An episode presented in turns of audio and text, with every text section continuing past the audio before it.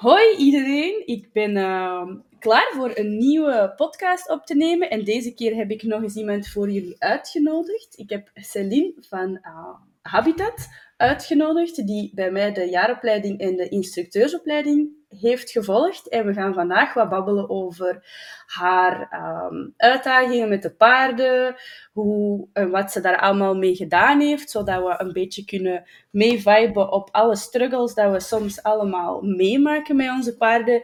En natuurlijk gaan we ook een keer zien naar uh, Celine is naar verder weg verhuisd en heeft daar uh, iets heel mooi opgericht. En daar gaan ze jullie nog wat meer over vertellen wat ze daarmee doen. Dus ja, Celine, nu is dat nu, hè. Voor uh, te vertellen.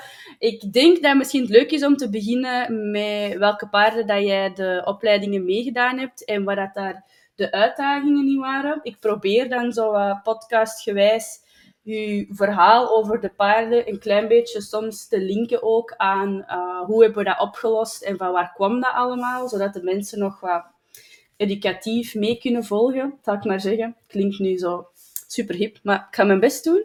Maar dus je mocht uh, vertellen over je twee knoepers. Oké, okay, ik ben dus Celine van Habitat. Um, ik ben bij u terechtgekomen uh, toen ik enkel uh, Romeo en Aria had. en ik denk dat we zijn gestart met Romeo. Mm -hmm. um, dat is de draver van, ja, nu is hij 15 toen was hij misschien acht of negen of zo. Um, en Romeo is een paardje dat uit de drefkoers komt. En ik, uh, ik heb die zelf zadel bak gemaakt. Die komt dus via het asiel. Um, ik heb die zelf zadel bak gemaakt. En ik heb heel veel grondwerk met hem gedaan. Uh, want hij was een paard dat niet echt ontvankelijk was voor communicatie met mensen. Hij had vooral uit de drafsport geleerd van de mensen ja, betekenen spanning en uh, dingen doen die niet leuk zijn. Mm-hmm. En ik heb hem dus laten zien van ja, dat is helemaal niet zo erg om gewoon met mij te wandelen en, en, en te poetsen en, en, leuke dingen te doen. En heb ik een zalenmak gemaakt en dat ging leuk. Maar het nadeel aan zo'n draver, en zeker Romeo, is uh, die heeft heel lange benen en die gaat alle kanten uit. En wij sukkelden vooral dus bij het uh, vervelende probleem dat hij struikelde tijdens het rijden, zowel in de piste als in, op buitenrit, dus zelfs in stap, maar zeker in draf. Uh, waardoor ik meermaals ja, over hem ben gevallen. Als hij bijvoorbeeld ja, ideeën van zand op asfalt stapte, dan zakte hij op zijn knieën en dan ging hij vallen. Uh, en dan ja, rolde ik los over zijn nek. Dat was ik allemaal al vergeten. Um, ik vergeet zo en, altijd. ja, ja, en dan één keer in de piste, dat was tijdens de les van u, daar waren we zo heel netjes zo aan het draven op, op de rechtercirkel. En ineens valt hij. En in zijn val draait hij 180 graden om en die zit op zijn poep. En ik was aan het twijfelen, zou ik er afspringen? Of ga ik nog meer recht met hem? En dan heb ik met mijn hand een klets op zijn poep gegeven.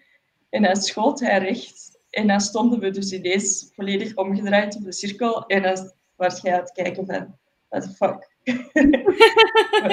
dat was echt in één seconde. Dat, dat, ja, dat, dat, dat was echt waanzinnig. Um, maar zijn, probleem komt omdat hij, uh, hij heeft ooit woefkatrol gehad en ze hebben in de drafsport waarschijnlijk zijn pees dichtgebrand, want hij heeft zo allemaal witte stipjes op ja. zijn been. Ja. Uh, waardoor hij niet voelt waar hij landt en wanneer. Um, dus dat maakte dat hij soms niet volledig uitzwaaide met zijn been en dus op zijn teen landde en En, uh, en ik, ben, ik heb bij u mijn eerste privéles geboekt, omdat we dus sukkelden uh, met het logeren. Hij kende perfecte hulpen. Ik kon in vrijheid met hem cirkelen. Um, hij kende perfecte hulpen, maar dat was een cirkel van een diameter, van twee diameter. Zo. Dat was... Uh, die draafde zo tegen mij aan, die plakte tegen mij. En de klassieke horsemanship zeggen ze dan, en met je stick moet je de schouder naar buiten jagen en uh, met druk werken en zo. Maar ik, bij hem is het probleem dat hij zoveel druk gewend was, dat hij alleen maar harder tegen die druk ingaat. Uh, en dan creëerde meer frustratie en dan begon hij te bokken. En op de duur begon hij zelfs gewoon stil te staan en te stijgen, omdat hij zei, ja nee, als ik niet mag plakken tegen u, dan kan ik niet cirkelen, dus dan sta ik stil en ik doe niks meer. Mhm. um, en dan heb je een les geboekt. En dan heb je bij de magie van de kegel laten zien. Ja. Uh, dus dan heeft, Romeo leren, ja, dan heeft Romeo leren targeten. En dan hadden we buiten de cirkel drie of vier kegels gezet. En dan moest hij dus eigenlijk van, van kegel tot kegel lopen. En dan kreeg hij snoepjes, waardoor dat, um, de buitenkant van de cirkel interessanter werd dan de binnenkant van de cirkel. Ja, ja omdat jij um, inderdaad hem heel hard aantrok. Dat herinner ik mij nog. En ik was nog aan het denken in uw verhaal dat je aan het vertellen waart, uh, dat jij ook... Um, dat hij wel heel graag speelde, hè? Was dat ook niet? Klopt dat? Dat je ja. het had gestuurd? Ja, hij is heel speels. Hij speelt graag met mij, maar ik krijg hem echt niet die cirkel op om iets anders te doen. Hè?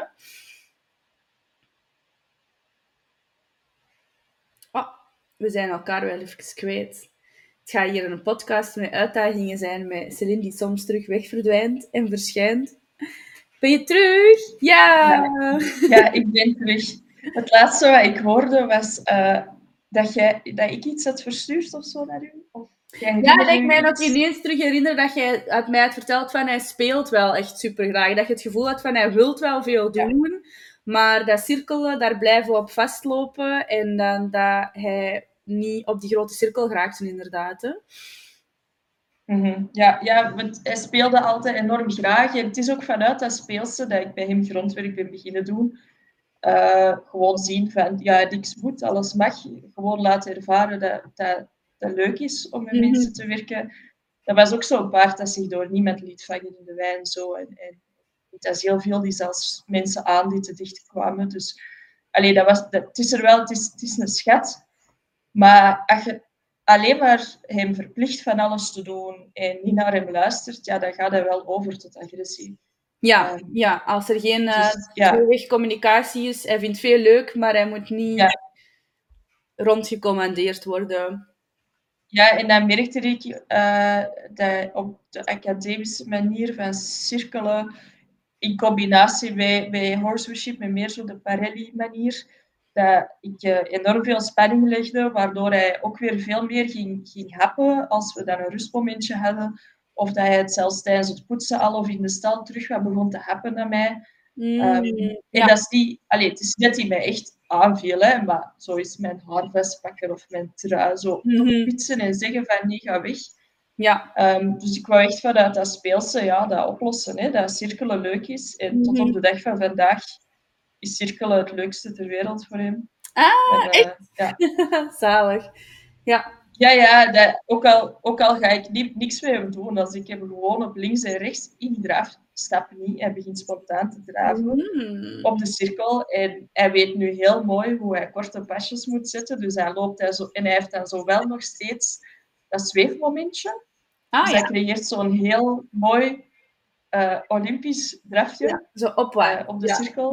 Ja. Ah, dat Ja, heel opwaarts. Dus, dus ja, zijn pasjes zijn wel verkleind, maar Mhm. hij is niet minder explosief gaan draven. Heb- eh, dus dat is zo'n heel opwaarts leuk drafje en hij is altijd heel trots dat hij dat mag doen. Hmm, Dat zalig. Ja, is eigenlijk hetgeen waar Ja. hij naartoe moest gaan. Hè? Met dat hij uh, met zijn superkrachtige draversbenen op die kleine cirkel, dan ging hij veel te schuin daarvan. Hè? En als hij dan nu dan omhoog Mhm. krijgt en dan zo meer draagt en omhoog duwt, is dat perfect. Hè? Dat hij zo in zijn spel kan blijven, Ja. maar toch nog kan draven. Ja, en zolang dat die draf ook niet ging, eh, konden we ook nooit ja, aan de galop werken. Wat, wat voor mij toch een leuk doel was om mijn draver uit de drafsport in galop te kunnen krijgen op de cirkel. Ja, dus juist. ja, dat gaat nu ook. Met enige training kan hem dat ook nu. Ah ja, ja, ja, want dat was ik aan het denken. Dat kon hij toen uh, zelf op buitenrit ook niet, denk ik. Hè? Dat jij dat zei, dat hij iedereen voorbij Nee. liep in draf, maar nooit de galop koos, Ja, durfde kiezen. Ja, op buitenrit heb ik het met mij ook wel losgelaten, omdat ik ben eigenlijk ik ben te zwaar voor hem. Mhm. Eh, ik, ik ben zelf niet te zwaar, maar hij is gewoon nogal klein. Hij is maar Ja. een meter 50. Ik ben Mhm. een meter 79. Ehm allee, ik ben met zadelen al erbij. Zeker nu, hij is 15, dat is niet oud. Maar, en met de belasting die hij op jonge leeftijd heeft ervaren, ja, Ja. ik ga wel met hem op buitenrit, maar ik verwacht van hem niet dat wij heel die buitenrit in draf doen of dat hij galoppeert. Want galop is een heel opwaartse beweging. En Mhm. ik weet gewoon dat dat voor hem... Dus we zouden dat wel kunnen met enorm veel training, maar dan ja, vraag ik me ook wel af, ja, waarom? ja, ja, dat is We wel. draven wel. Ja, ja, ja, daar heb je wel gelijk in. En En als ik daar een 12, hij heeft een halve stal gehad en dat een meisje was 11 of 12 Mhm, en die waren gewoon aan het galopperen in de piste. Juist. Ja, ja, daarmee heb je Ja. dat verschil gemerkt, hè? dat dat wel een invloed was van uh, u te moeten meedragen ten opzichte van een kindje te moeten meenemen. Hè?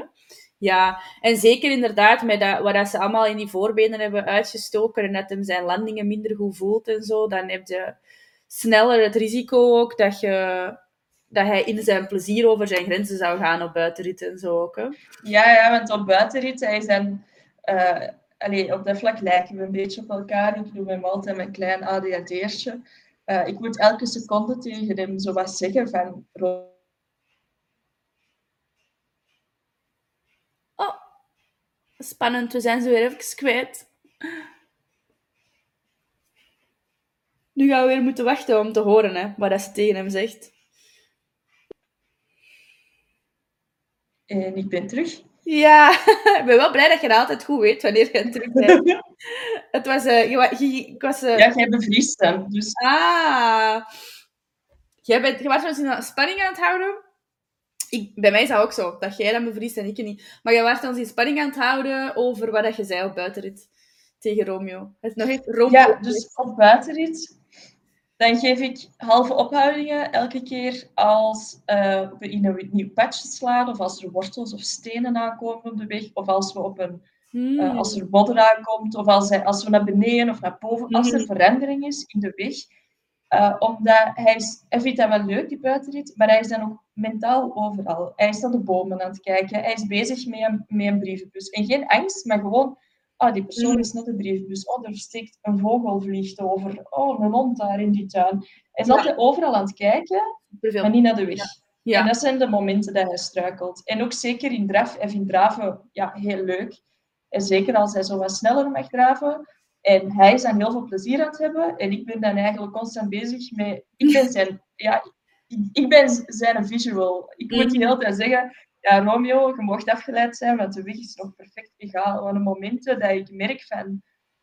Hij is zijn, zijn benen niet meer aan het gebruiken. Moet ik halve ophoudingen geven of zijn neusje terug iets meer voorwaarts zetten. Mhm. Eh, omdat ik weet, anders eh, liggen we er. Hè. De- dat is in zijn enthousiasme gaat hem dan zijn benen niet perfect landen. En dan struikelt hij en dan ja, lig ik er. Ja, ja en, en Romeo gaat dat waarschijnlijk zelf minder erg vinden ook om te struikelen. Maar hij moet maar één keer verkeerd struikelen natuurlijk. En dan ehm, is het niet zo aangenaam voor jullie alle twee. Hè? Ja, voilà. Ja, hij is dat zo'n beetje gewoon, want ook als hij zit onnozel te doen met de kudden of zo, ja, dan komt er eens een bocht aan en dan glijdt hem eens even uit en dan is hem terug, hij staat weer recht. Voor hem is dat dagelijkse kost, denk ik, zo wat onnozeliteiten. Mhm. Ehm, maar voor mij, ja, zeker op buitenrit, ehm, en zeker hier, het is allemaal kleibodem, dus minstens dat het zo een beetje geregend heeft. Het duurt lang voordat het droog is, hij glijdt uit. Eh, dus er zijn ook wel momenten op buitenrit dat ik gewoon zelf kies van, ik voel mij hier niet comfortabel bij van op hem te blijven zitten, dan stap ik af. Ja, Dan doe ik een stukje te voet en merk Mhm. ik dat de weg weer veilig is, dan stap ik op. Wellicht omdat, misschien had ik wel kunnen blijven zitten hoor, maar Mhm. ik ben dan geruster als ik ernaast wandel. En daardoor is hij ook wel geruster. ja. Ik ben meestal toch wel... Ik denk dat ik wel vaak toch wel schrik heb van eh, over hem opnieuw te vallen. Ik heb dat zo één of twee keer gedaan. En eh, tof is hem. Nee, nee, ik denk dat je daar sowieso... Dat dat voor zijn training ook klopt. Ik denk dat je je hoofd daar niet kunt uitzetten op het feit dat je samen met je paard kunt vallen. Als je dat ene keer hebt meegemaakt, ehm, dat je systeem zich daar sowieso van bewaart. En als je dan inderdaad blijft zitten op moeilijkere wegen en zo, dan ga je stilletjes aan stresspatronen beginnen creëren ook. Hè, voor Ja, dat je dat gaat voelen. Ja, bijvoorbeeld- niet dat hem dan bang is dat jij samen met hem een koprol gaat maken. Hè? Hij denkt gewoon, oké, waarom is die, die hartslag is omhoog? Ik ga ook, ik ga ook rondkijken. Ja, want bijvoorbeeld hier zijn vaak weggetjes en eh, elke keer als je het een zijpadje van het bos ten einde zij en je komt terug op het hoofdpadje, dan is er een gracht. En soms is die gracht eh, met een goed betonnen oversteekstukje. Dat zijn geen diepe grachten hoor, maar, maar soms is er geen oversteekplek en dan moet je ja, over de gracht springen of erdoor wandelen. Eh, soms is het een houten bruggetje, ja, dat kun je ook niet te paard riskeren. Nee.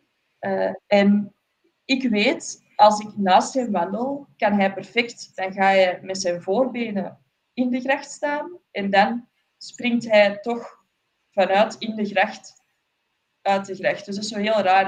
Hij, hij zou vanaf het begin kunnen springen, maar hij wil dan toch eerst proberen erin te wandelen. En dan Om dan te beslissen dat... Ja. Ja, en ik weet, gewoon, wellicht zou ik kunnen blijven zitten en zouden we dat met twee kunnen doen. Maar voor mij is dat risico dan te groot. En, en ik weet ook, ja, dan, dan zet ik eh, met zadel en allebei 70 kilo extra last op zijn rug, die hij Mhm. mee over of in die gracht moet, moet Mhm. steken. En dan denk ik, nee, laat maar. Maar mijn vriend bijvoorbeeld, eh, als die mee op buitenrit gaat, is het altijd met Romeo. En mijn vriend heeft bijvoorbeeld in Limburg een eh, buitenrit gedaan met Romeo, zonder dat ik erbij was. Die zijn twee uur weg geweest en hij zegt, oh, jij overdrijft, die Romeo kan dat allemaal. Ik ben met Romeo eh, zo stijl 10 meter naar beneden afgedaald en ik ben met hem omhoog gedraafd. En, en ik ben over wortels gedraafd jij maakt je te veel zorgen, Romeo weet wat dat hem doet.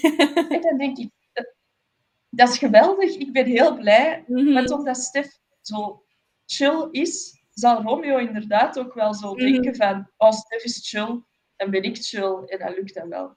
Ja. Eh, anderzijds, Stef is zo heel sportief en zo een van die zeldzame mannen die tien keer van een paard kunnen vallen en gewoon terug zullen opstappen en het opnieuw zullen doen. Zo, Mhm. Hij vindt dat ook helemaal niet erg, dat vallen. Eh, en dan denk ik, ja, dat is, dat is leuk voor jullie. Ja. Eh, die blijft wel zitten en soms, soms valt hij wel hoor, maar dan stapt hij terug op en dan doet hij terug hetzelfde. En die doet zichzelf dan ook nooit zeer, omdat je geen stress hebt van te vallen en je spant je niet op. Dan valt je Voilà. lekker als zo'n bloempudding op de grond en dan is dat ook helemaal niet... Ja. Ja, ja, plus ik denk ook, omdat hij dat inderdaad echt niet eng vindt, dat hij zich minder vastzet in zijn lichaam, waardoor dat Romeo iets meer mobility krijgt om die manoeuvres uit te voeren. Hè? Met hem erbij, hè? dan zo bergaf en bergop. En... Ja, en, ja, en, en is dan, Stef is ook niet, niet kwaad of teleurgesteld. Of, ik, ik denk dat ik, ik ben daar anders in. Ik denk dan, als we zijn gevallen, dan begin ik direct, goh, wat heb ik fout gedaan? Heb ik niet op zijn benen gelet? Mm. Eh, ik ben heel veel met zijn balans bezig. Ik ben heel veel met zijn gedrag bezig. Of oh, heb ik over de limiet gepusht? Had ik nog moeten afstappen? Mhm. Terwijl Stef, ja, dat is, dat, is echt, dat is een jongen op dat vlak. Die zegt, oh lol, we gaan paardrijden, val ik eraf? Ja, lol, dan ga ik er terug op. Tof. Mhm. Eh, die, die is er anders in en, en dat werkt ook perfect voor hem. Eh, ja. Ik denk dat dat ook wel goed werkt. Omdat Romeo jullie allebei heeft. Dat je dat mooi in verhouding houdt. Dat als je zo puur iemand hebt die niet alle oorzaak en gevolgen kent van paardentrainen en met paarden werken, dat je dan ook wel zo in een negatieve spiraal kunt terechtkomen. Maar omdat Romeo jullie allebei dan heeft, dat het hem zo... Stef heeft met dan zo, wauw, we gaan gewoon. En dat jij dat van de sidelines of in het gevoel wel al snel genoeg weer door hebt van, ah, oké, nu moeten we ergens over opletten of in toog houden of zo. Dat dat zich zo wel wat mooi evenaart. Denk ik, hè? ja, want als er met Stef iets niet, als er met Stef iets niet lukt, of met een gast bijvoorbeeld, er, er was eh, deze zomer één persoon die vroeg toch echt, ja, heb je niet een paard waarmee dat ik op buitenrit mag gaan? En dat was wel iemand waarvan ik wist dat die paardvriendelijk rijdt, die rijdt Mhm. ook, eh, die, soms rijdt hij bitloos, soms bit. Maar Mhm, die doet ook grondwerk en ik kende die wel wat. mhm. Eh, allee, niet rechtstreeks, maar via via. En ik had zo toch wat vertrouwen. En ik weet ook, als er iets gebeurt, Romeo kent de weg naar huis. whatever. Mhm. Dus ik dacht, ja, kom, eh, we kunnen het financieel ook wel gebruiken van toch misschien al iemand een buitenrit te laten doen. Dus Ja. ik zadel Romeo op, ik geef die Romeo mee. En, eh, en die vond het fantastisch leuk. Eh, maar die zei, ja, Romeo wandelt wel echt heel de tijd. Die wil niet op de verharding wandelen. Dus wij hebben heel de buitenrit zo vlak naast de diepe grachten gewandeld op het zachte stuk. Mhm. En dat was toch wel eng. En dan weet ik ook, ah, dat is goed dat die persoon dat voor mij getest heeft. Nu ga ik daarop werken. En dan de volgende keer dat ik met Romeo ben gaan wandelen, ik doe het grotendeels aan de hand, omdat ik heb dan, dan heb ik meer het gevoel dat ik hem kan sturen dan onder het zadel. Mhm. Ehm, en dan heb ik heel veel eh, met hem uh, rechtrichting gedaan op de rechte paadjes en hem beloond als hij uh, uit zichzelf in het midden van het pad ging wandelen. Mhm. En niet naar de, want als hij naar de zijkant trekt om dan heel tijd corrigerend te werken, zeggen nee, niet naar de zijkant, nee, niet naar de zijkant. Dan zijn heel de weg lang aan het zigzaggen met Romeo, want ja, hij zal toch altijd een andere optie zoeken. Uh, maar elke keer als hij dat toch even in het midden wandelde, heb ik hem beloond. En uh, dat is ook het, wel het leuke tussen mijn vriend en ik. Mijn vriend doet iets, en als het niet lukt, dan train ik dat. Ja, ah, wel, exact wat ik bedoelde. ja. ja. ja. Dus het is een goede verhouding. Mm -hmm. Ja, ja, je vult elkaar dan wel goed aan op dat vlak. Hè? Want ik denk als je bijvoorbeeld aan een onbezonnen, stressvrij persoon een, een nieuwe pony geeft, dat dat ook wel snel negatief kan worden. Ook al heb je niet snel um, angsten of zo, die zaken, maar gewoon omdat je die patronen dan niet kunt oppikken hè? en niet zo twintig stappen verder kunt denken en dan plotseling krijgt je pony niet meer van het erf af. Maar met zo met jullie twee tezamen is dat wel een leuke verhouding, denk ik. Dat je... Maar bent jij je pony aan het trainen, zodat Stef daar goed mee kan gaan buitenrijden, hè? maar ja. Ja, het, het doel is... We hebben ook wel gezegd... Wat de, de, we waren aan het denken, gaan we alle paarden trainen, zodat die allemaal op buitenrit kunnen. Ja, dat is veel. Of gaan we ervoor zorgen dat er één paard perfect op buitenrit hier kan. Mm. Dat één paard het bos kent. Mm -hmm. En één paard alle op... We hebben nu bijvoorbeeld iemand onderweg en uh, die heeft kalkoenen. Ja, dat is heel leuk, want als je daar passeert, beginnen die allemaal een kalkoengeluid te maken. Uh, en die paarden kennen dat totaal niet. Mhm. Mm -hmm. En dan is dat leuk dat Romeo dat wel kent. En we hadden gezegd, we gaan echt deze jaar dus focussen op Romeo, zodat we dus komende zomer Stef op Romeo kunnen zetten en ik op een ander paard. Dat ik dus het paard daar voor het eerst mee ga, kan trainen. Omdat ik kan niet vragen van Stef zich uh, neem Coco eens mee voor de eerste keer of zo. Allee, nee, nee, ja. Dus geen trainer. Nee, nee, nee. En hij gaat dan, dan niet super erg vinden als hij maar afvalt. Maar ja, als Coco dan vijf keer achter elkaar bij je kalkoenen verschoten is, ja, dan gaat je nooit meer voorbij je kalkoenen geraken. Of misschien niet nooit, maar ja. het gaat wel even duren voordat de kalkoenfobie dan uh, opgelost is. Ja, dat is wel slim. Eigenlijk zou ik dat, als je zo nu over Romeo bezig bent en dan over hoe dat hij in het begin was, als wij elkaar hebben leren kennen, dan uh, is dat toch echt al een grote vervulling, zal ik maar zeggen, dat hij heeft uh, gemaakt nu. Hè? Als uh, pony die in je knieën beet als jij wou opstappen.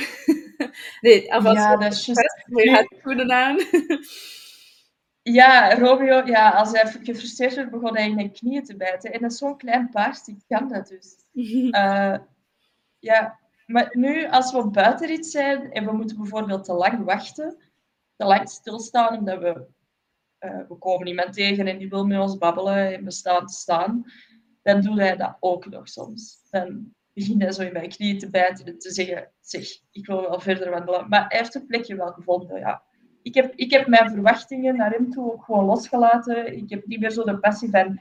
En ik wil met hem galopperen en ik wil met hem dressuur en ik wil met hem in een piste kunnen rijden. Mm -hmm. uh, en ik heb gewoon gekeken naar wat vindt hij leuk en hoe kunnen we ervoor zorgen dat hij dat op een veilige, niet beenbrekende manier kan Mhm. uitvoeren. Want dat was het probleem. Hij, hij wil echt veel. Hè. Mhm. Hij wil altijd meewerken en meedenken en hij is enorm speels, maar hij heeft zijn lijf niet mee. Hè.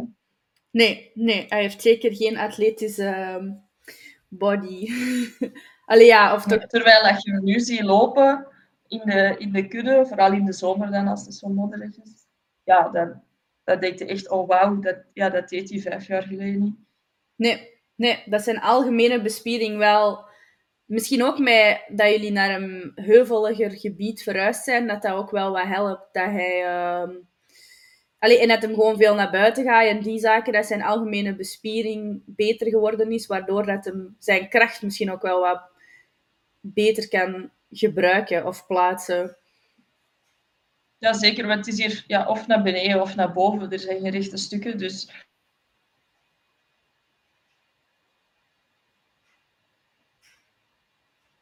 Nou, we zijn ze weer even verloren. Jammer, hè? Die gingen we juist eh, horen over het perfecte trainingsgebied van mensen die wel op heuvelachtige gebieden wonen en dan eh, daar wel... Ja, je bent ben terug. Ja. Het ging over naar beneden naar boven gaan. Ja, en dan naar beneden gaan, de eerste keren dat hij dat hier deed, ja, dan was hij echt aan het skiën. Ehm, maar, of, of hij bleef toch echt stuwen naar beneden gaan en dan botste hij zo met zijn voorbenen tegen een paal of zo. Dan remde hij tegen mijn omheining af. Hmm, ja. Uh, maar nu zie ik echt dat hij in draf heeft geleerd van, ah, ik moet toch mijn achterhand er meer onder plaatsen. En ja, doordat hij dat moet doen, ja, ontwikkelen al die paarden hier nature hun rugspieren en hun achterhand. ja, hè? dat denk ik toch ook, hè? Je hebt daar bij iedereen dan eigenlijk al een verschil op gezien. Ja, ja, ja, want ik heb, allee, een van onze pensioenklantjes, Bink, Mhm. eh, ja, die ja, ook goed, hè? die kent je niet? Mhm, Ja, voilà. Ja, dat is ook een beetje een sukkeltje met de benen. mhm. En in het begin dachten we, de manier waarop dat hij hier liep, was heel hakkelig en zo bijna telganger. Mhm. Ehm, en dan dachten we, oei oei, allee, onze Park Paradise is niet, niet makkelijk op vlak van hellingen. Dachten, oh, gaat hij dat wel kunnen? Gaat hij zijn eigen hier niet blesseren? Maar we hebben dat dan rustig opgebouwd. En eerst op een, op een eh, niet zo steil weidje gezet en dan op een steilere wei gezet en wat opgebouwd. En eh, Ja, nu loopt hij echt... Allee, als, als ik nu filmpjes stuur naar de eigenaar, dan zegt ze, amai, die loopt goed. En wij doen niks met dat paard. Hè. Die komt per Paradise eigenlijk bijna nooit uit. Maar ja, die loopt gewoon goed, doordat hij constant moet nadenken, hoe ga ik lopen en waar.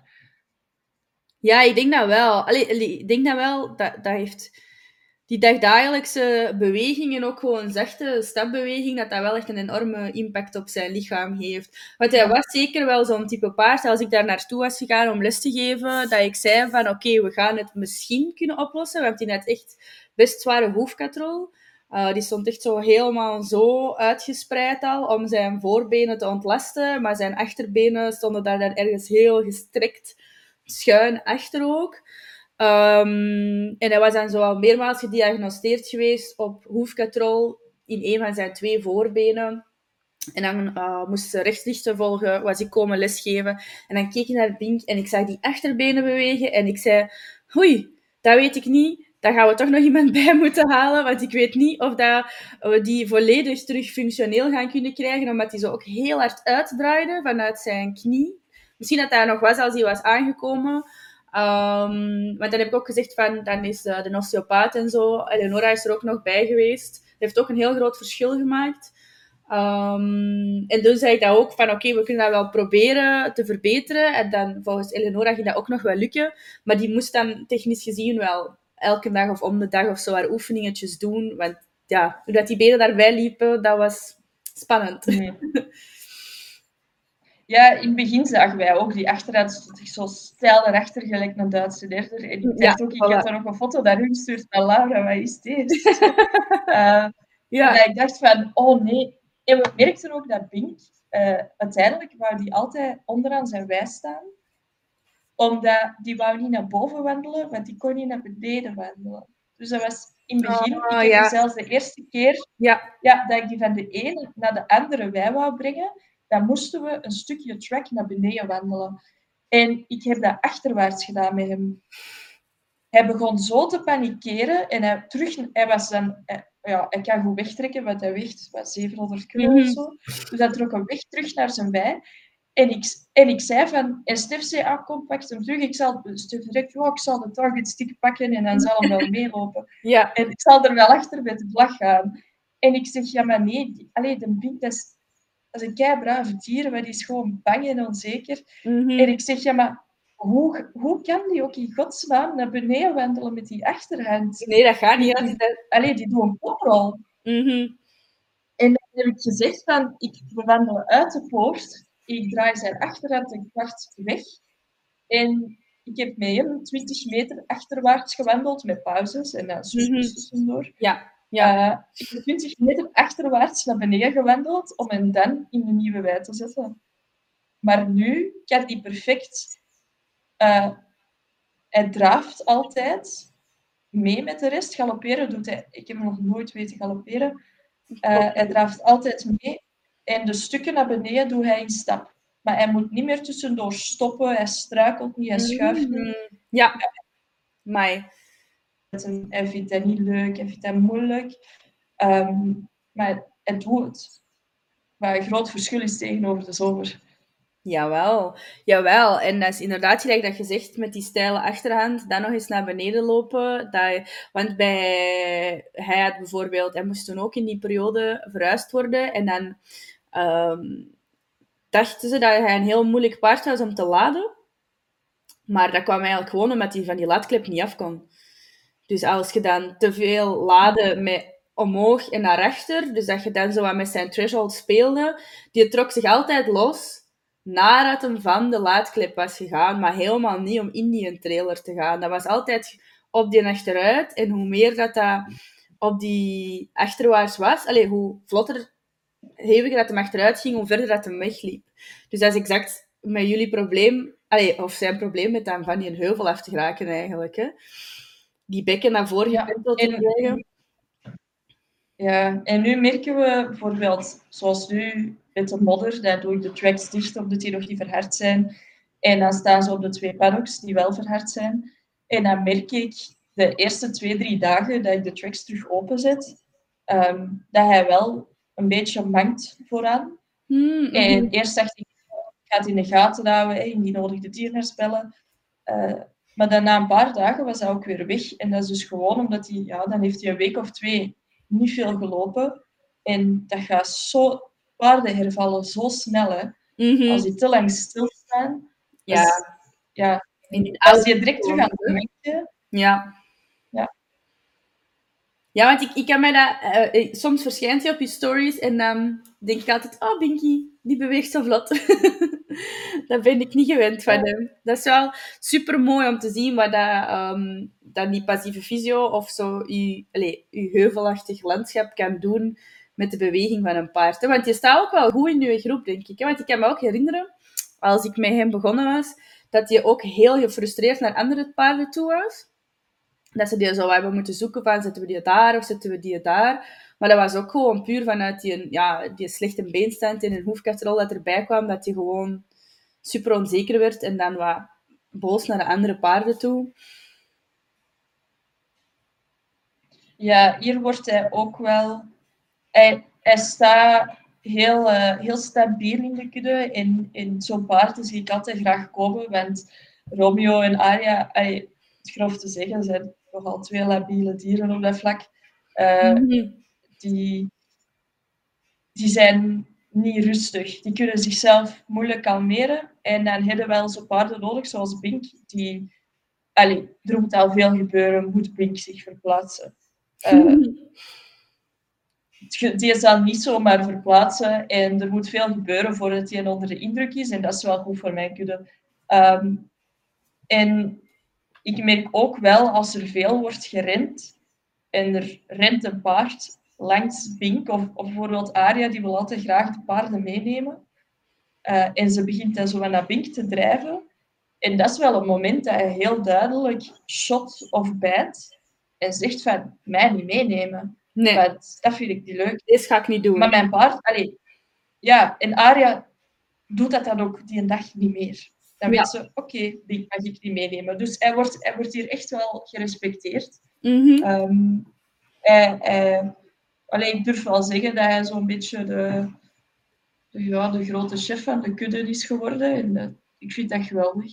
Ja, dat is echt allee, zo. je hebt liefst een, gewoon een, een groot, rustig paard Mhm. bovenaan. Ja, ja, ja, die niet de rest de hele tijd aan het treiteren is of stress aan het veroorzaken is.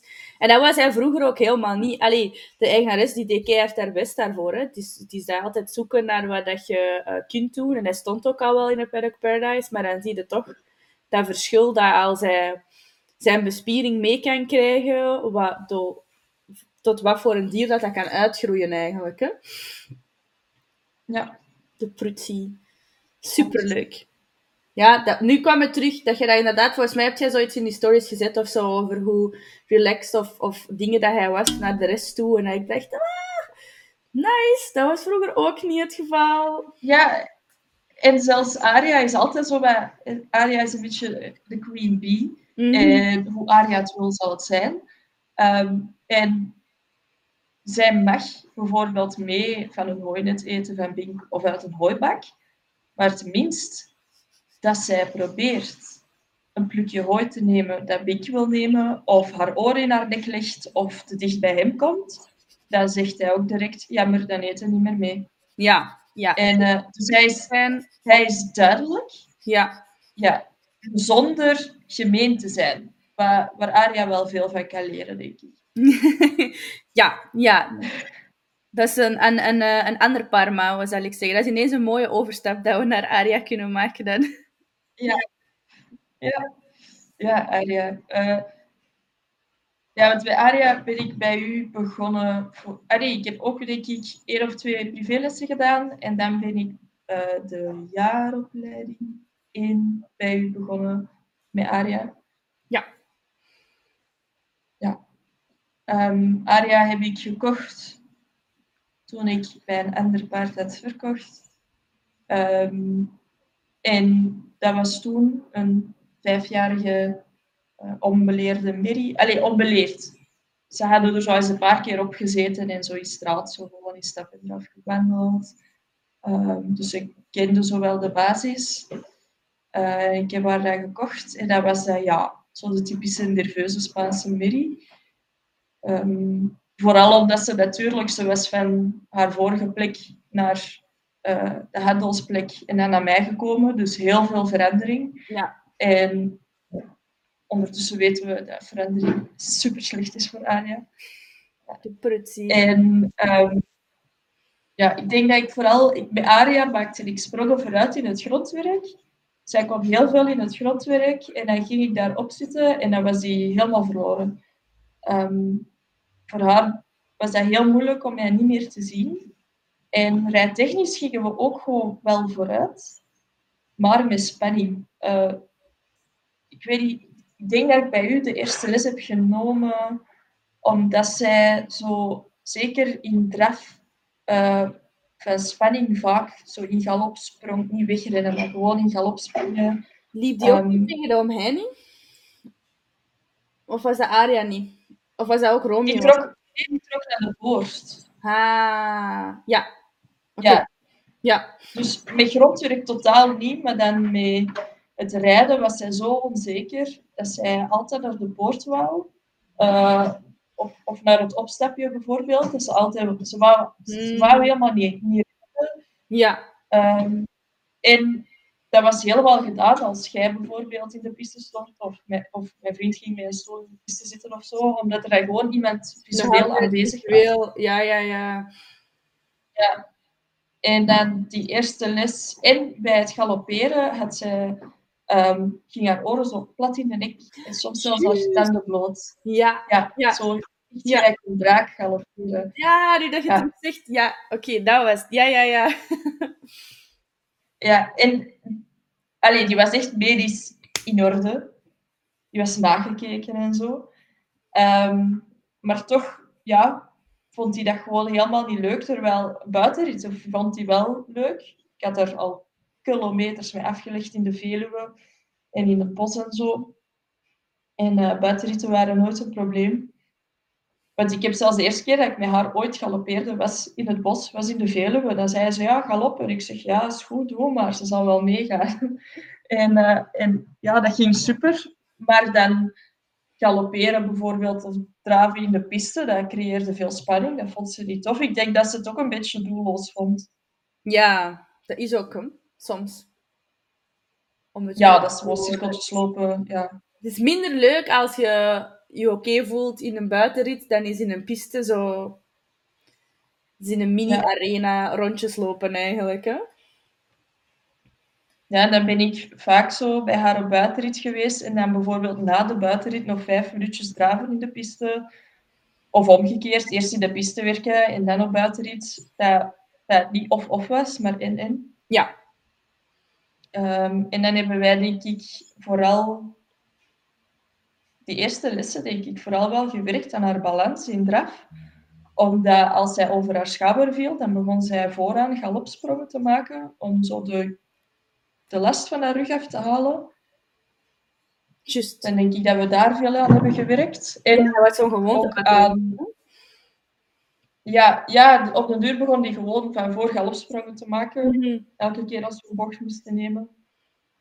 Ehm, en dan in de jaaropleiding ja, hebben we wel ook, allee, bij Aria st- stond ik toen al ver in, in academische rijkunst, omdat ik bij haar ook veel les heb genomen bij Josie Rijnvoet. Yes. Ehm, en we hebben daar dan op verder ingespeeld, want eh, ja, Josie Rijnvoet gebruikt geen positive reinforcement. Eh, die gebruikt negative reinforcement en wel cookie on top. Ehm, maar dat zorgde voor Aria wel soms voor toch veel spanning. Eh, dus we hebben toch iets weer die R plus erin gestoken, omdat vaak haar oren begonnen ook altijd zo achteruit te staan in het, eh het recht richten. Ja, en omdat je naar die moeilijkere ook naartoe aan het gaan was, denk ik, hè? Met je travers en die zaken. Ja, Met Josie ook en met mij. ja. Ja. Ja, waar zo we begonnen aan de eerste pasjes PF bij Josie. Maar dat is dan gewoon van, ja, oké, met de zweep tegen de achterbenen totdat ze begint te dartelen. Eh, en dan cookie on top, op het moment dat ze dartelt. En op de deur zullen die paarden die PF wel positief associëren. Maar voor Aria was dat, wow, een vreemde man gaat ineens met een zweep tegen mijn achterhand. Ja, Aria heeft al geen vertrouwen in vreemden. Mhm. Eh, dus dat had voor veel spanning gezorgd. En dan begon zij heel hard, niet alleen eh, met haar oren de nek, maar dan begon zij ook tijdens het rechtrichten, zij kon dat keigoed, maar begon zij het hard tegen mijn hand in te lopen, waardoor dat zij begon te overbuigen. Dan liep ze echt Ja. over haar schouder naar buiten toe. Ja, ja, ja. Dus dan En, hebben we veel gewerkt op, op dat ontspannen rechtrichten. Niet dat ze, ze moest niet goed lopen, ze moest niet perfect rechtgericht zijn, maar wel dat ze ontspannen was en Ja. niet boos keek. nee, nee, inderdaad. Want je hebt sowieso ook moest je waarschijnlijk een beetje met ehm, die cookie on top, dat Aria iets vatbaarder was, zal ik maar zeggen, voor dan die garbage behavior van die frustratie ook heel hard erin te krijgen. Hè? Dat als zij dan de piaf wel uitvoerde en daarvoor met voer beloond werd, dat ze dan ook echt zo dacht dat het draak worden een deel van de oefening was, zal ik maar zeggen. Waardoor dat, dat meer en meer wordt. Dat is juist. En dan hebben wij inderdaad bezig geweest en dat ik tegen u gezegd van we gaan vooral zien dat die meer ontspannen wordt.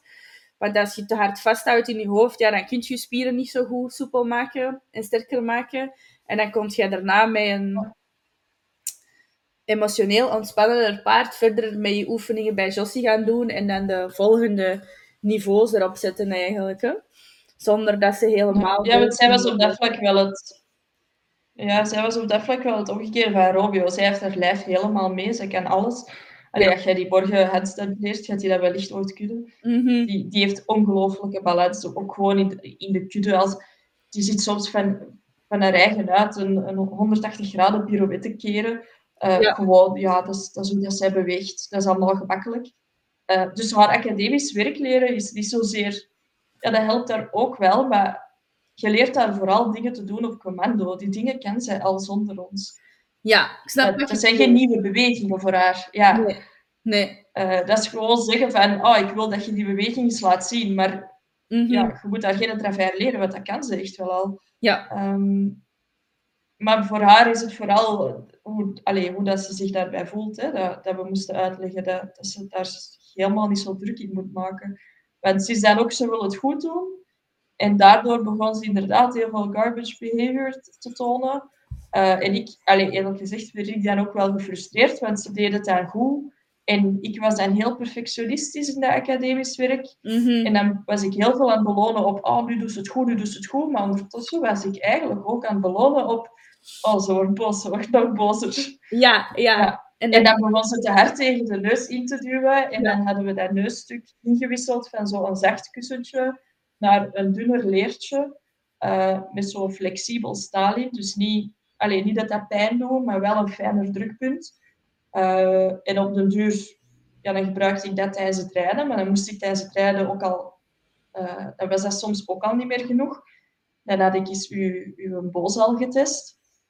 En dan ging dat wel weer goed, maar dan zeiden elke keer toch, ja, ook al zijn de paardvriendelijk en witloos aan het wel elke keer een zwaarder hulpmiddel aan het gebruiken, omdat je niet eh, het juist, omdat je wel de juiste beweging verloont, maar niet het juiste gedrag. ja, ja, ja, ja. En dan, dan tools veranderen is uiteindelijk...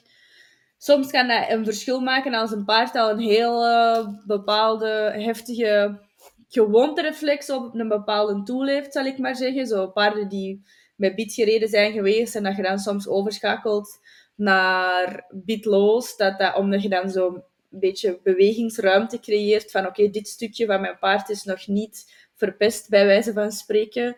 Maar ehm, dat we bij Aria waren we dan eigenlijk iets te veel aan het zoeken van oké, hoe kunnen we deze wisselen? En dan zet je meer in je fast oplossingen aan het zoeken, zou ik maar zeggen. Hè? Omdat nog altijd wel in haar bitloze was, maar dan van oké, we gaan deze testen, deze testen.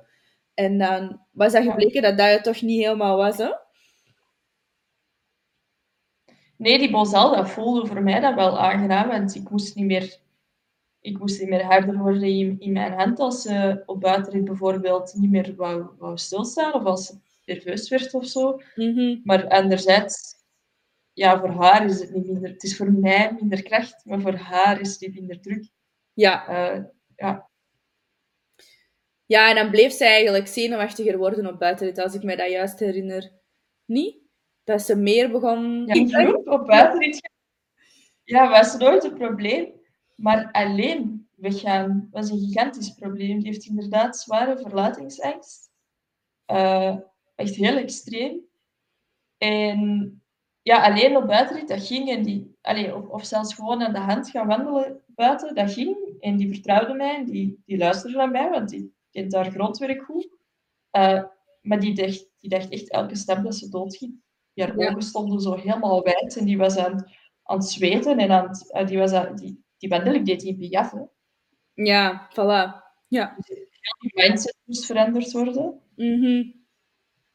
Ja, en dat is een super... eh, dat is geen makkelijke ook, hè. Paarden met verlatingsangst, ik vind dat, dat dat blijft ook een zoektocht. En dat blijft zo schakelen tussen hoe kun je progressie creëren en toch onder hun grens blijven. Want vanaf dat je dat tikkeltje erover gaat, dan bevestigt je die pure angst dat erin zit eigenlijk, hè.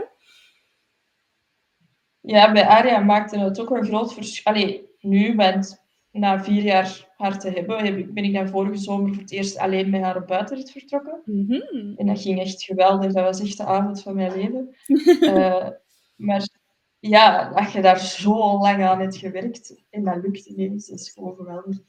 Ehm, bij, bij haar was, is het de kunst vooral om, eh, aan uw, zoals bij elk paard, aan je eigen mindset te werken. En niet te denken van, "Oh, ik ga haar weer uit de kudde halen. Ik, eh, ik ga haar weghalen van de kudde. Ik wil met haar een wandeling maken. Ik wil tien minuten weg zijn. Ik wil een Mhm. kwartier weg zijn en ik ga met haar wandelen en ze moet achter mij wandelen en ze mag niet in mijn rug komen pushen en ze mag niet te veel rondkijken naar alles, want dan gaat ze nog banger worden. Ja. Eh, ja, dat, wat, wat verwacht je van haar eigenlijk dan?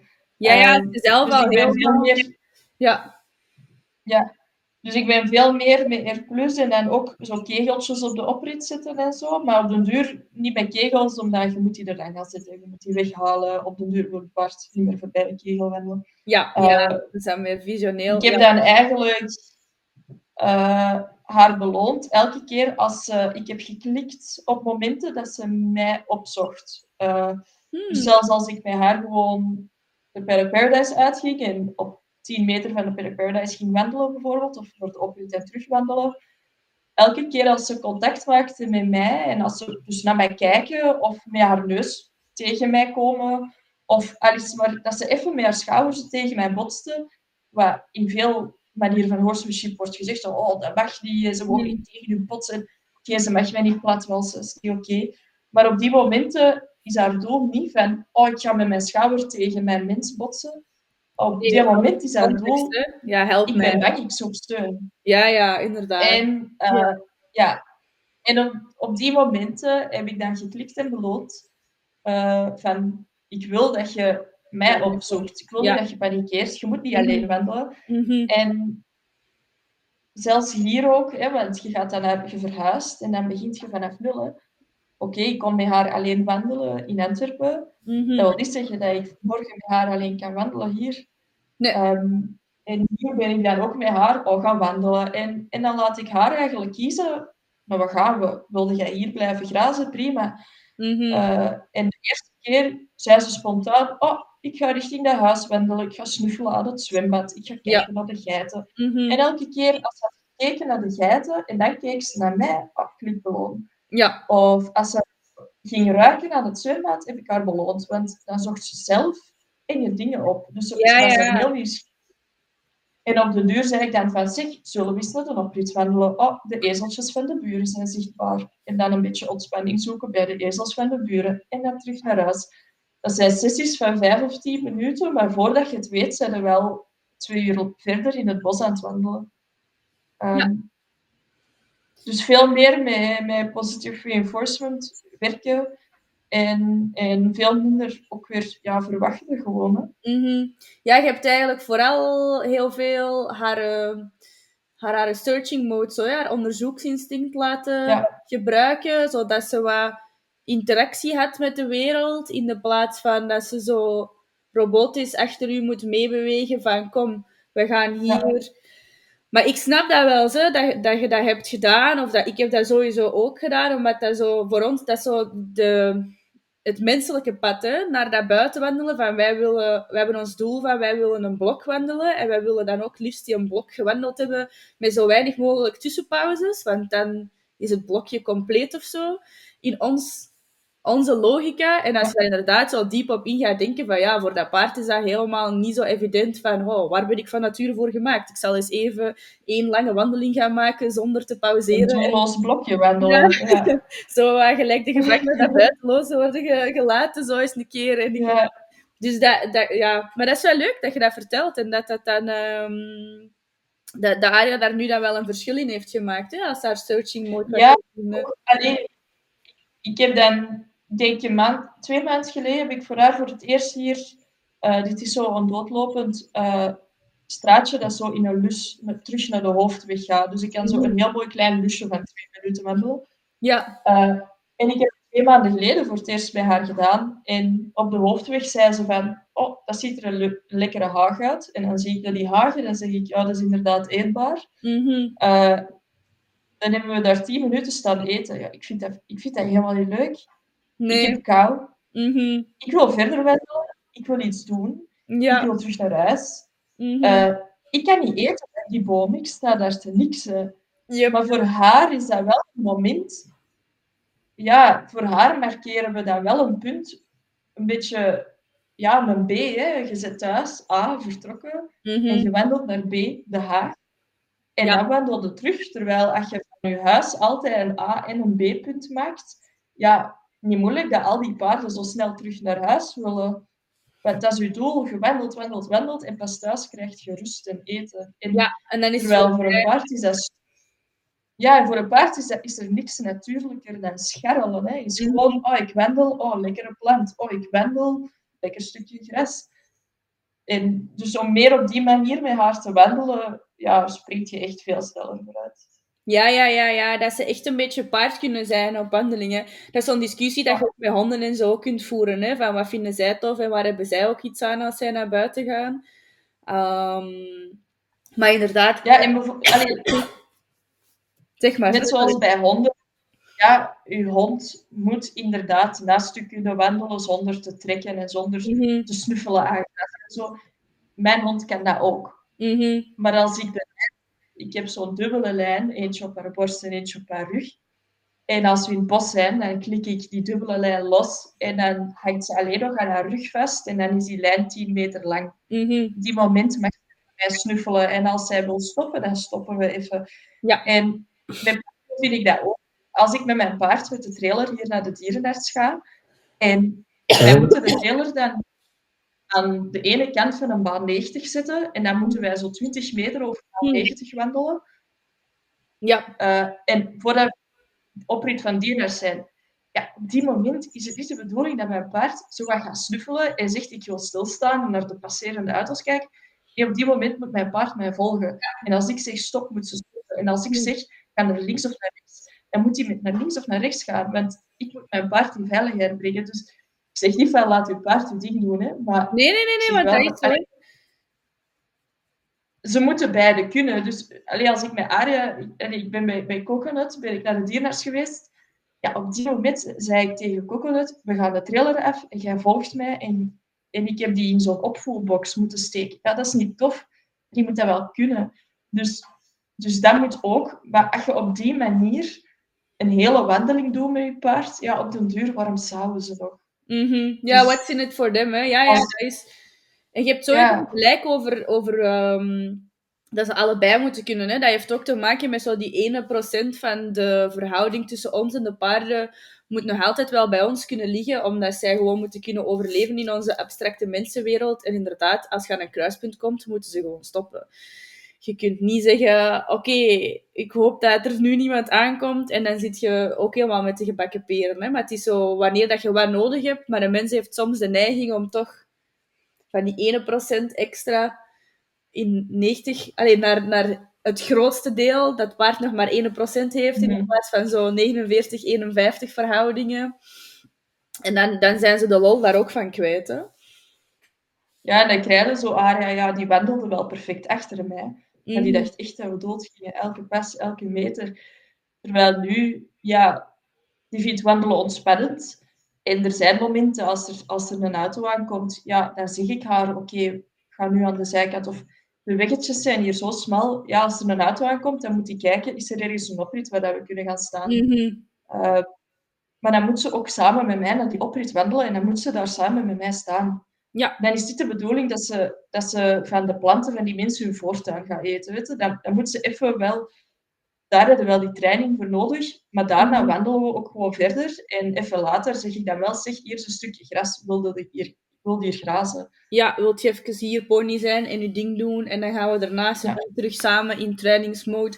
Ja, daar heb je groot gelijk in en dat is wel ook met elk paard nodig. Dat je dat voorbereid hebt alvorens dat je naar buiten gaat, zodat ze ook vanuit hun searching mode in hun oké, nu moet ik even mee zijn met wat de mens van mij verwacht, zodat ze niet onder een vrachtwagen terechtkomen, ook niet. Hè?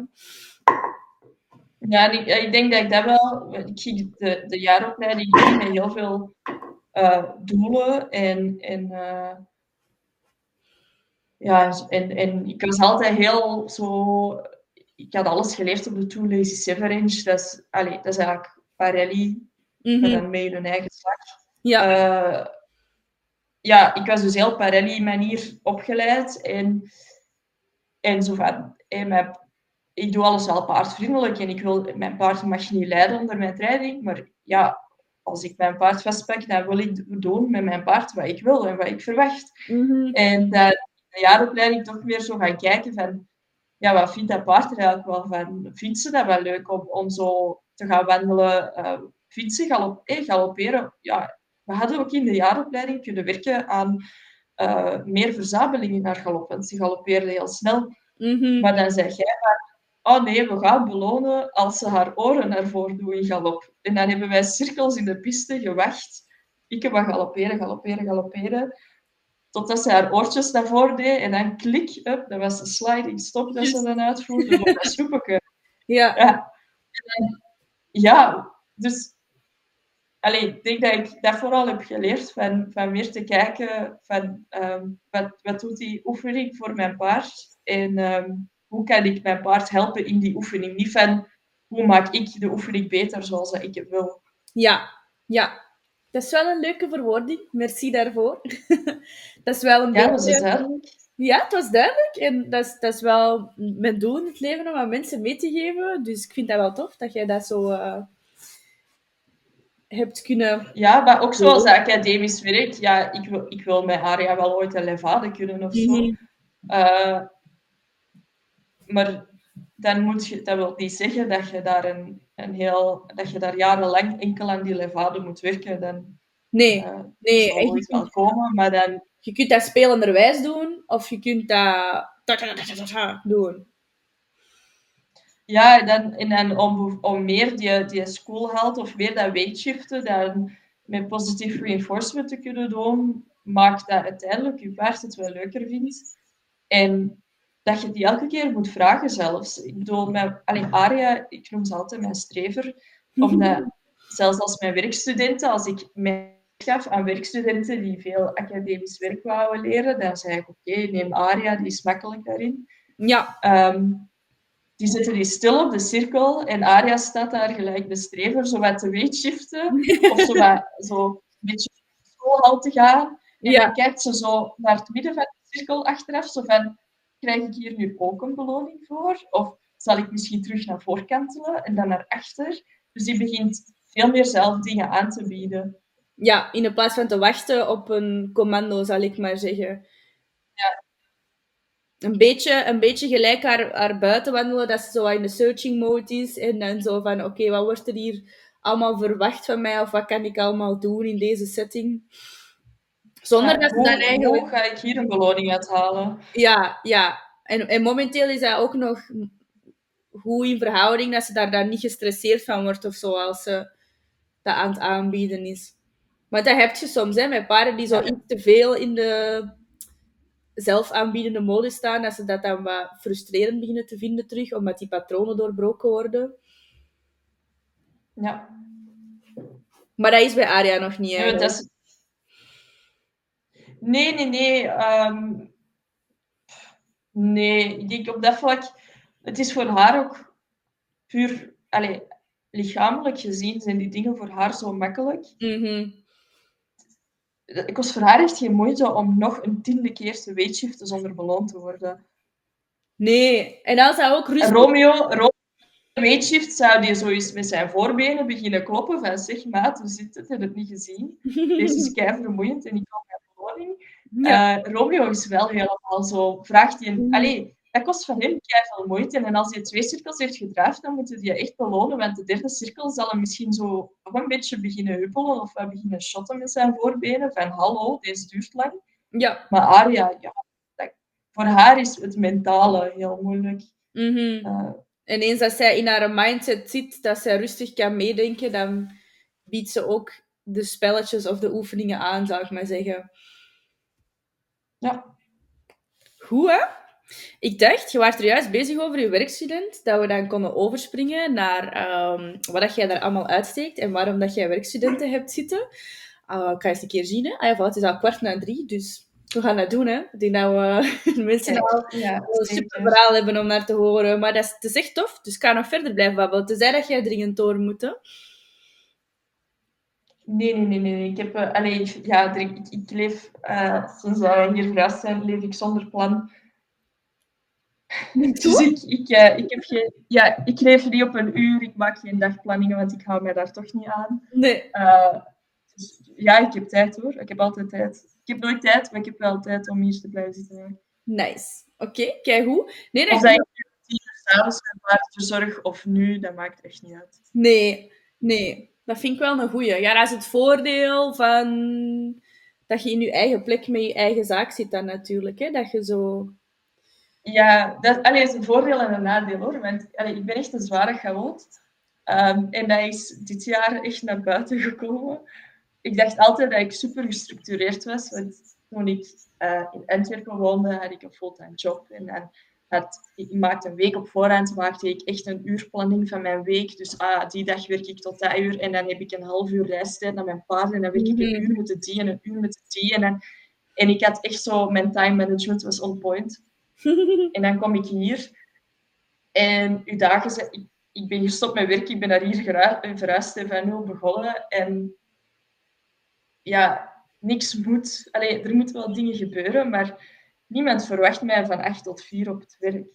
Nee, nee, nee, Ehm, dat is... Dus, dus hier was het wel, ik, ik was begonnen met dagplanningen van, oh, en ik ga van 8 tot 12 of van 8 tot, tot 11 ga ik, eh, ga ik de paarden verzorgen en dan is het lunch. Nee, en dan na 11 uur ga ik met de honden wandelen en dan is het lunch. En dan na de lunch begin ik de dier te trainen, dan de dier en dan de dier. En dan s'avonds geef ik nog eens brokjes en dan om dat uur kan, tussen die tijd kan ik kamers beginnen kuisen in de B&B. En dan, eh, maar eigenlijk, ja, was ik mezelf daar alleen maar mee aan het teleurstellen, want elke dag hield ik mij daar niet aan. Of, Ah, ja, ja. allee, het is hier ook zo. allee, sommige mensen snappen dat niet altijd, maar mijn vriend en ik zeggen ook: wij kunnen ons. Wij, je kunt niet van ons vragen dat wij elke dag eh, onze privébons stofzuigen, ook al zou dat moeten met, al, allee, met die harige honden. Mhm. Want elke dag is chaotisch. Eh, is niet de plan die je springt, dan, dan is er ergens wel een paar dagen geleden vuurwerk in Frankrijk en al mijn draden liggen op de grond. Mhm. Eh, of er komt een... Of ineens deze zomer, dat was, nog, dat was echt kers op de taart, loopt er een stier van een ton te zwaar, van duizend... Hij is, ja, ondertussen is hij helaas, arme Boris, hij geslacht. En de boer zei, ja, het was 1250 kilo. Dat beest liep dus op mijn oprit. Dat is echt En maar... wij zijn dus in alle stress. Maar dat was een kei-agressief dier. Dus in alle stress zijn wij ons pad richting de paarden gaan afspannen. Want we dachten, als ik kwaad ga worden op die paarden, dan maakt die mijn omheining kapot en dan zet een paard. Maar dat is dus de chaos die wij hier Mhm. ja, dagelijks meemaken. En om dan van mij te verwachten dat ik... Ja, soms dan sta ik s'avonds nog draden te repareren of iets anders te doen. En dan denk ik van, oh, volgens mijn planning zou ik morgen om zeven uur moeten opstaan en om acht uur te beginnen uitmisten. Maar dan denk ik, maar eigenlijk moet het allemaal niet weten. Ik Mhm. kijk nu, het is elf uur en toch ga ik nog een film opzetten en pas om één uur s'nachts slapen. En dan slaap ik morgen gewoon uit. En wanneer ik wakker word, ontbijt ik. En wanneer ik klaar ben met ontbijten, zal ik wel de paarden verzorgen. Dus Ja, eh, ik ben volledig nice. ja, omgekeerd gaan beginnen leven. Ja, Volgens uw eigen meer bioritme, zal ik maar zeggen. Bedoelt ja en over- allee, sommige, sommige dagen zijn echt super productief. Hè. Sommige dagen denk ik, oh, ik doe dat en dat. En dan ga ik deze hoeven bekappen en dan ga ik daar een track bij maken. En ga ik nog de kamers boven kuisen en met de hond wandelen. En andere dagen heb ik het gevoel dat ik... Allee, dan andere dagen heb ik ook wel gedaan wat er dagelijks hier moet gebeuren. Mhm. En ik dan denk goh, als ik dat sneller had gedaan of als ik minder lang had geluncht, dan had ik misschien nog wel dat ook kunnen doen. Mhm. Maar dat is oké. Ik doe dat dan morgen wel. Ja, sowieso. Ik denk dat ook het moeilijkste van een, een eigen plek of eigen zaak hebben, en dan zeker bij jullie, omdat de mensen echt bij jullie komen logeren en wonen ook, is dat die momenten vrij voor je eigen nemen. Hè? Je hebt altijd nog 700 dingen op je takenlijst staan, dat je ook effectief inderdaad een trage dag mocht hebben. Hè? Of meerdere zelf. Ja. Ja. Want ja, ik zal misschien gewoon even zeggen, Habitat is dus eh, een, eh, ja, is onze, onze onderneming van, van mij en mijn vriend. Eh, en mijn doel is, het heet Habitat, omdat mijn doel is een plek te creëren waar iedereen zich thuis voelt. En daarmee bedoel ik dus eh, dieren en mensen, eh, voornamelijk dieren, om dat mensen zich wel overal kunnen thuis voelen. Maar ik wil dat mensen zich hier kunnen thuis voelen met de dieren. Ja. Ehm, wij hebben paarden, wij hebben geiten, wij hebben een kat die samen met het huis kwam. Dat was de, de huiselijke stalkat. Eh, die hebben we erbij gekregen. Eh, en wij hebben onze honden. En eh, mijn doel is wel om ooit echt actief terug te worden als instructeur. Ehm, maar ik heb dat een beetje losgelaten om dat een piste te laten zetten op onze steile grond zou met 30.000 euro kosten. Ah ja, ja.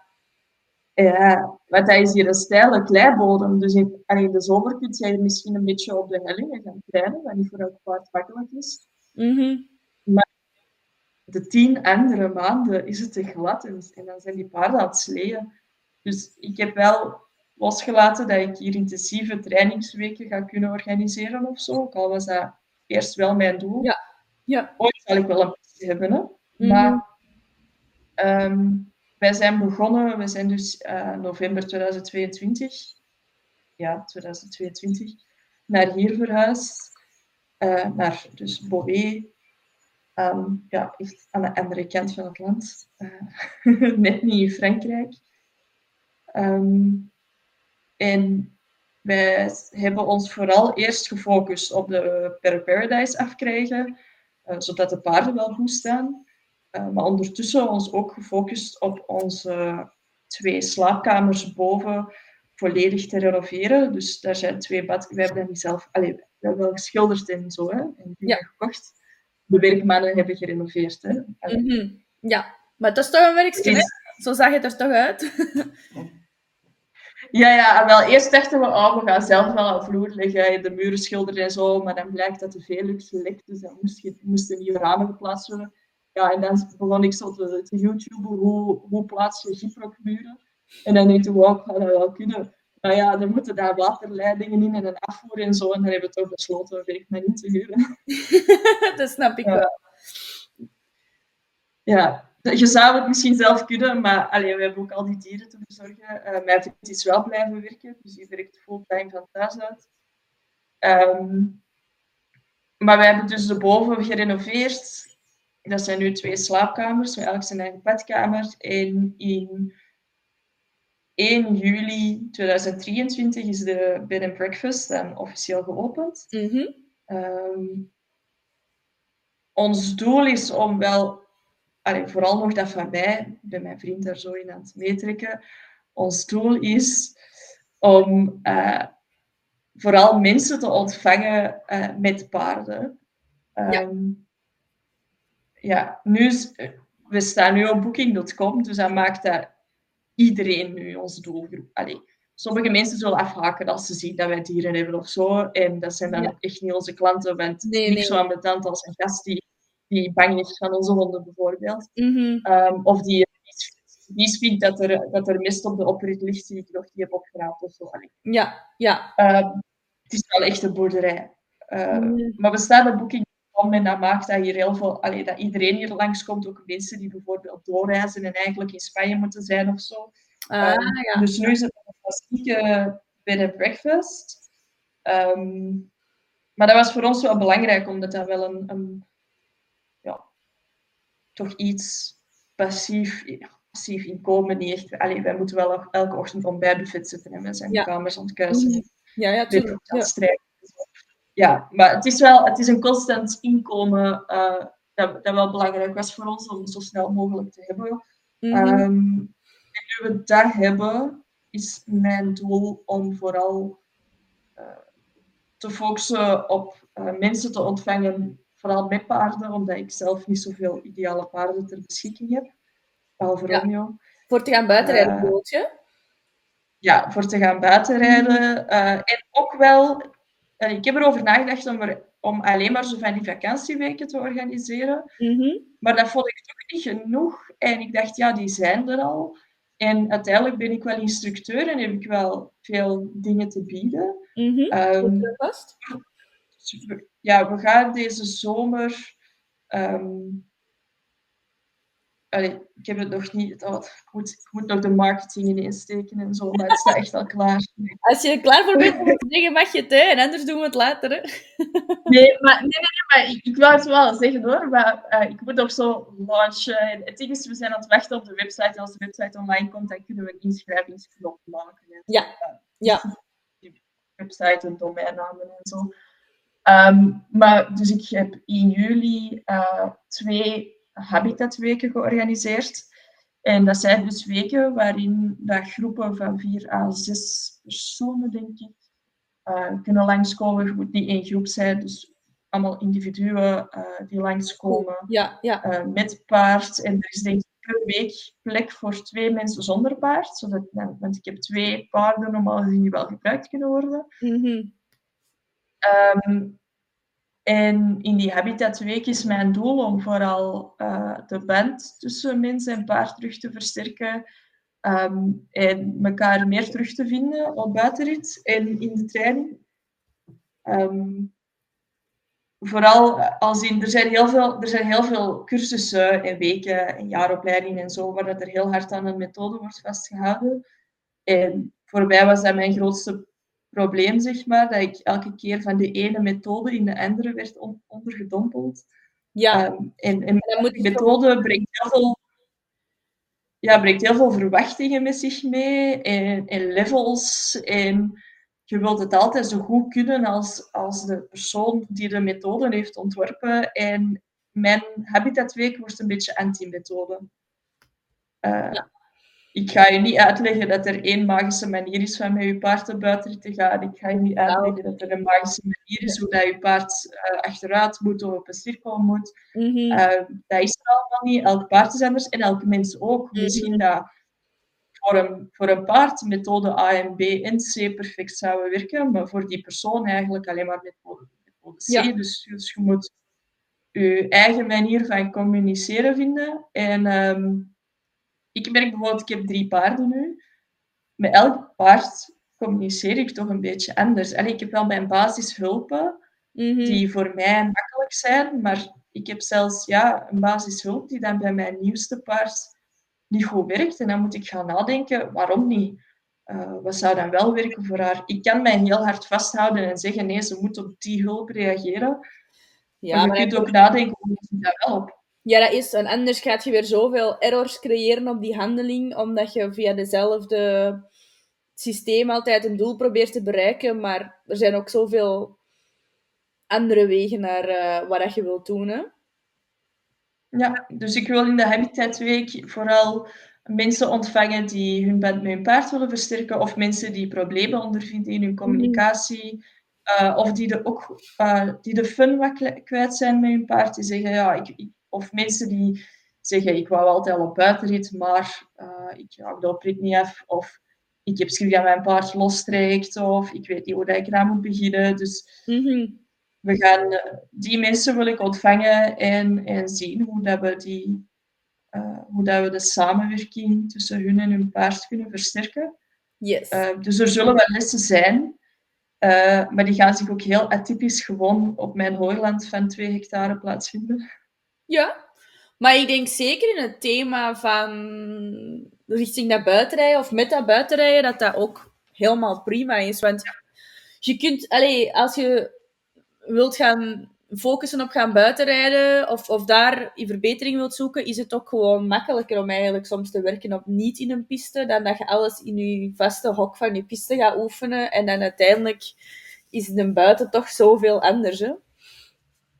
En jij hebt wel een mooi groot ja, ja. waarin dat je toch nog in een redelijk... Uh, ik ben eigenlijk nog nooit bij geweest, dus ik ga gewoon van statement dat ik zelf uh, denk. dat je in een, in een grote surrounding kunt werken zonder echt buiten-buiten te zijn. Dat was hetgeen wat ik aan het denken was. En dan daarna ja, ook... Ja, want allee, alleen de, de oprit leidt tot de straat. Mm -hmm. maar het Hooiland bevindt zich echt ver achteraan en is omringd door koeienweiden. Allee, is omringd door een haag.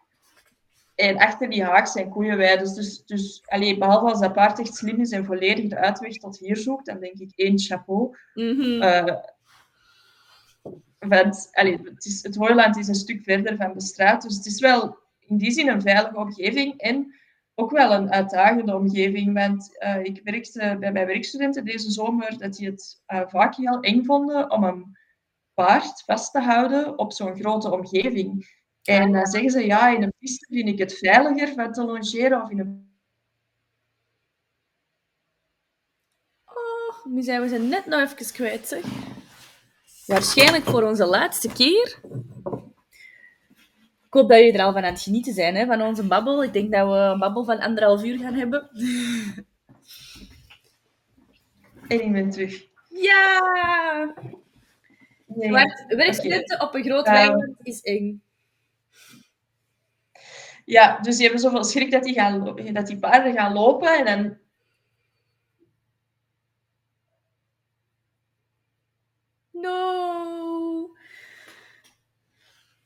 Het internet wil niet dat wij tot ons laatste stukje geraken.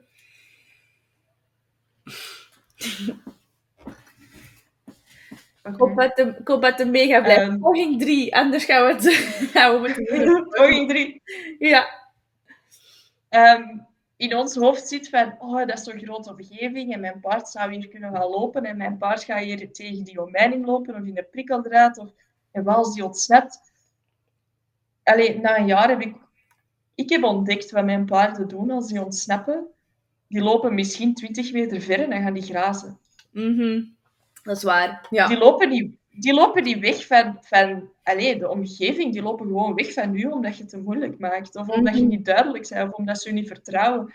En dus die hele schrik van oei oei, ai grote omgeving. En, en ik vind dat dat wel op een leuke manier mensen kan uitdagen. Eh, want die piste is altijd toch heel vertrouwd. En op het moment dat mensen met hun paard dan door de poort van de piste wandelen, dan is al die training vergeten. Terwijl hier is, is eh, de stap van een groot open weiland naar het bos.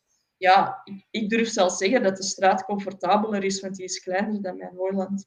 Ja, dat is. Ah, wel, en dan denk ik dat dat wel echt leuk is. Want dat, zeker bij ons in Vlaanderen kun je niet echt zeggen ehm, dat je veel situaties of locaties hebt die dat kunnen anseneren. Of zo hercreëren. Hè? Dat je zo in een soort van... Of in je privéomgeving, in een thuisomgeving kunt oefenen om naar buiten te gaan en op een andere manier connectie met, met elkaar kunt maken dan in die piste.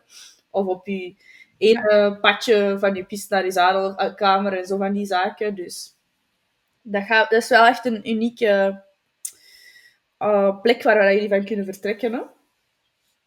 Ja, en ik, ik, ga, allee, ik wil er ook wel nog steeds ik wil er veel educatief in steken. Dus mijn doel is wel om elke dag ook een klein uh, theoriemomentje te doen. Mhm. Uh, de ene keer kan dat zijn rond natuurlijke huisvesting en hoe dat we hun paarden, hun situatie misschien, hoe moeilijk dat dat soms ook is, een beetje te kunnen verbeteren.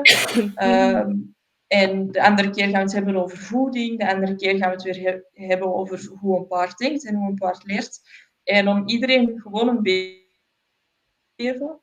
Um, en ook elke avond echt samen te kunnen bespreken van wat ging er goed, wat ging er niet goed. Uh, wel dat groepsgevoel creëren. Want allee, ja.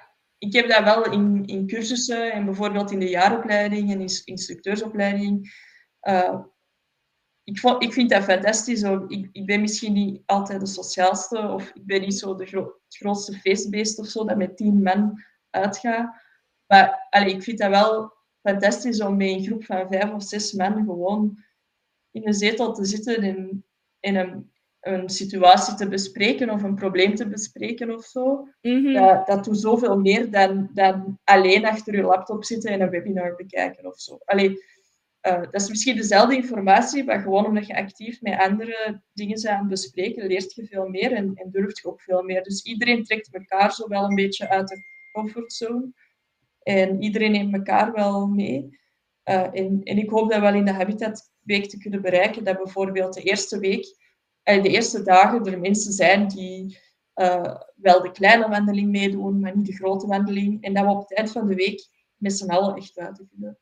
Ja, ja, dat is tof. Ja, dat is wel. Hè. Zo samen een beetje dezelfde struggles hebben en daar wat over kunnen babbelen en tateren en, Ja. en, en, en elkaar wat kunnen ondersteunen.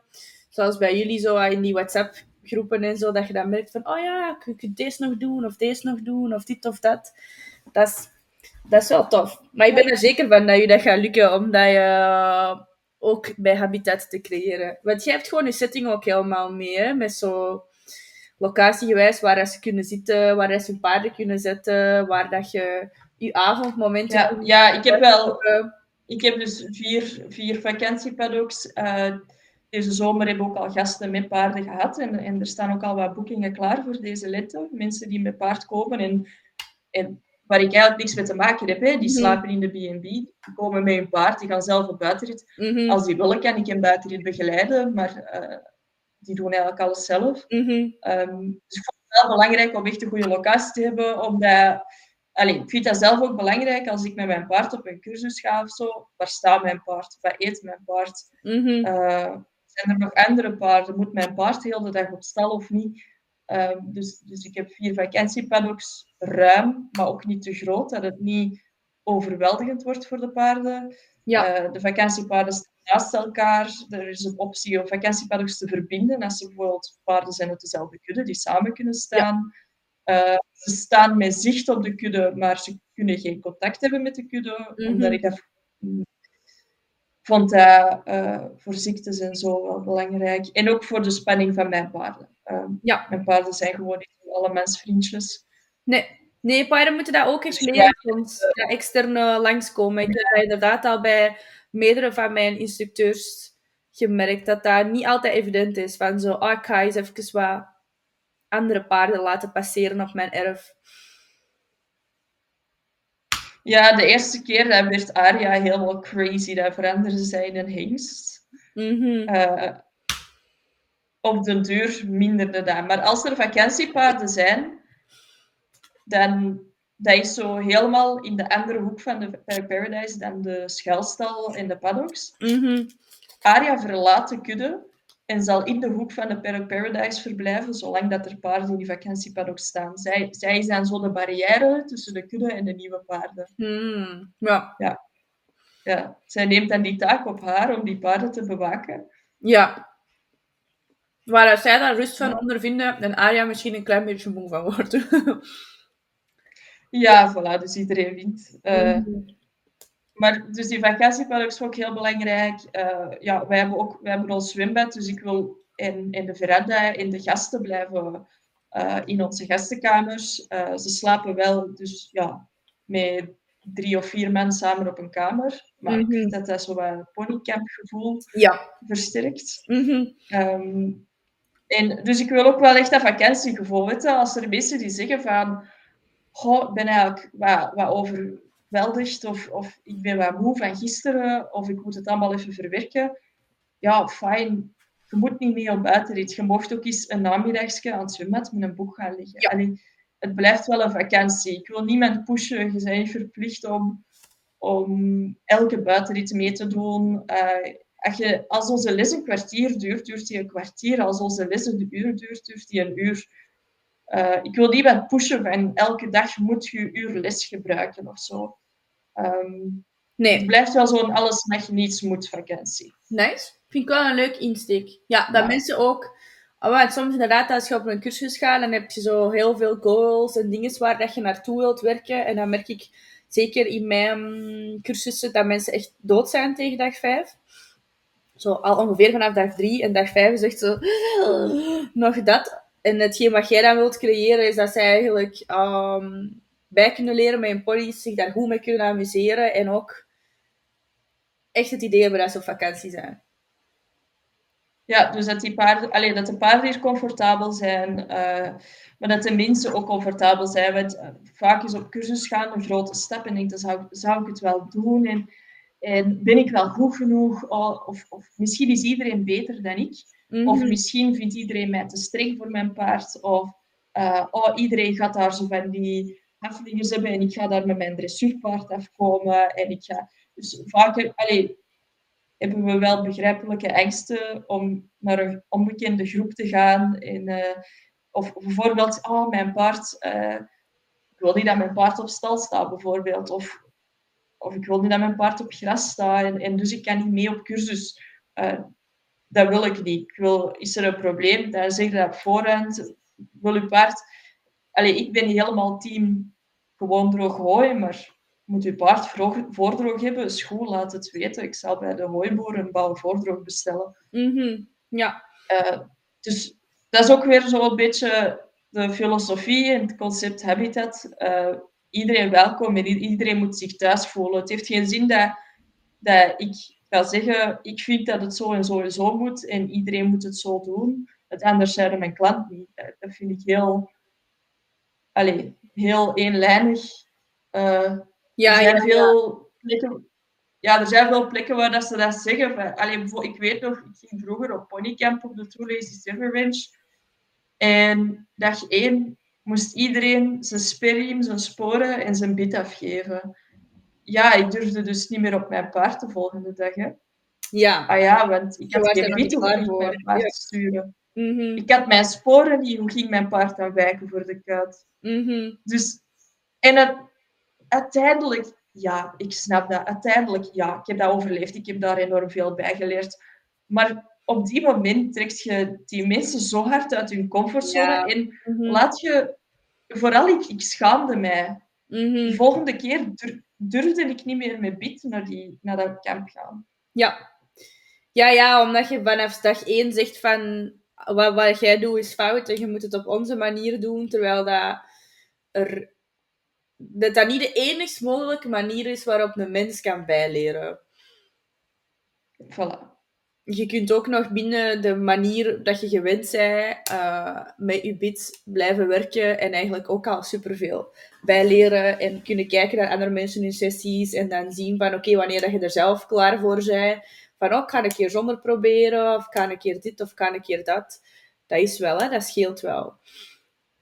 Ja, en ook, dat is, weet het is niet mijn doel van iedereen bitloos te zetten. Alleen voor mij werkt bitloos. Aria heeft zelfs nog nooit een bit in haar leven ingehad. Mhm. Ehm, maar als, als jij je comfortabel voelt bij een bit en je paard voelt zich comfortabel met een bit en jij doet je paard geen pijn, ja, alleen van mij mocht je zeker bitloos proberen. Dat is helemaal leuk, maar Mhm. dat moet allemaal niet. Nee. Nee, nee, en dat is ook niet het doel van, eh van je habitatweken eigenlijk. Hè? Dat ze, ja, Nee. Ik vind het wel leuk, zo gewoon de combinatie van op vakantie gaan. Ik denk ook hetgeen wat jij er juist zei, van dat je zoveel kunt meedoen als je wilt, maar ook kunt zeggen van nu ben ik gewoon even moe. En ik denk dat ehm, wat Habitat dan ook kan aanbieden, wat niet altijd haalbaar is voor elke Vlaamse cursus, dan zal ik maar zeggen, is dat ze inderdaad zo heel comfortabel in de buurt van hun paarden kunnen wonen ook. En bij mij is dat... Mhm. Je hebt altijd mensen die toch echt graag bij een paard blijven, wat ik 200% begrijp, maar dan moeten ze in een tentje slapen. Hè? En dan is het zo van even van, je overleeft maar op mijn erf, en de andere mensen nemen dan zo'n Airbnb wat verder weg, maar dan, ja, dan, dan, zijn ze toch gescheiden van dat paard, dan kun je zo niet s'avonds even in je pyjama of nadat je aan het vuur hebt gezeten of zo, van ik ga mijn pony nog even knuffelen en dan ga ik slapen. Ja. Bij u Ja, terwijl bij mij kun je vanuit de veranda, vanuit het zwembad, kun je gaan staren naar je paard. Ah ja, zie, voilà. Ja. Ja, Dat Dat was ook heel bewust. We hebben heel lang nagedacht van waar zetten we de vakantiepaddocks, want we wouden ze dicht genoeg bij de kudde, maar niet te dicht. We wouden ze niet vlak naast de geiten of vlak naast de ezels van de buren. Dat zijn allemaal van die triggers dat Ja. op vakantie niet nodig heeft. Nee, nee, dat is wel... we wouden ze wel ja, we wouden ze in het zicht van de gasten, dus we moesten ze kunnen zien vanuit het huis. Maar het mocht niet te laag op het land, want dan worden ze te modderig. Dus we hebben echt heel lang nagedacht daarover. En ik hoop dat ze nu op de, verkeerde, allee, op de per- perfecte plek staan. Ik hoop het ook.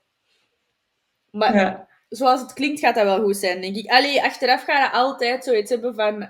Met de info dat ik nu heb, zou ik soms keuzes anders gemaakt hebben als het gaat over de indeling van een Oh, paar absoluut. Accommodatie. Absoluut. Maar je hebt nooit de kennis dat je hebt voordat je begonnen bent. Hè? Allee, ja, dat is maar zoeken. Heel mijn, heel mijn Paradise, na een paar maanden zei ik van... Oh nee, die track had daar moeten liggen. En die track hadden we helemaal niet moeten maken. En dit daar en dit zo. Dat is altijd.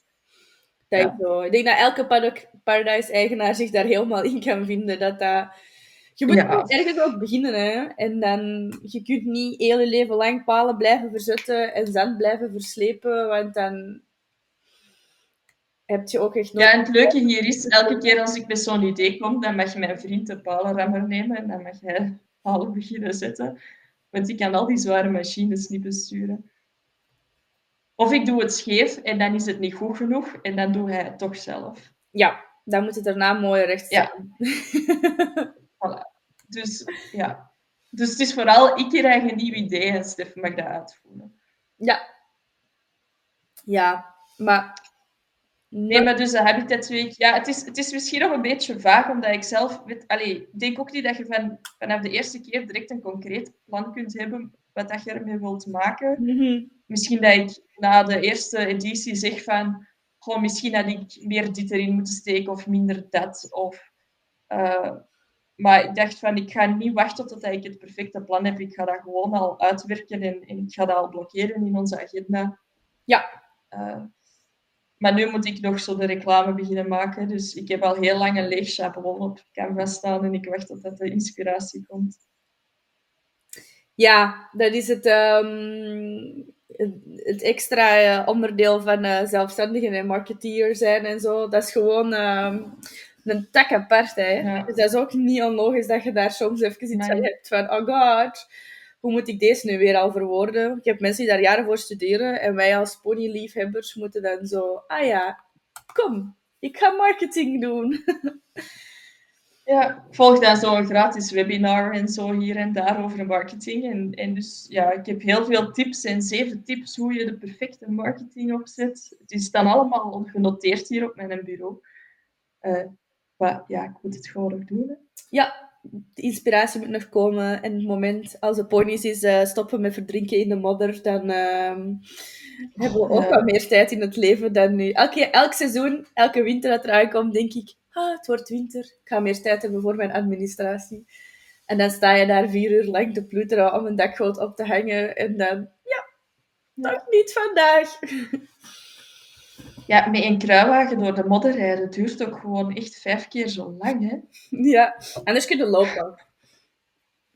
En jij moet ja. daar nog eens bergop en bergaf. Aha. Ja. Goed. We zijn al even... Uh, nee, ja, dus de Habitatweek, yes.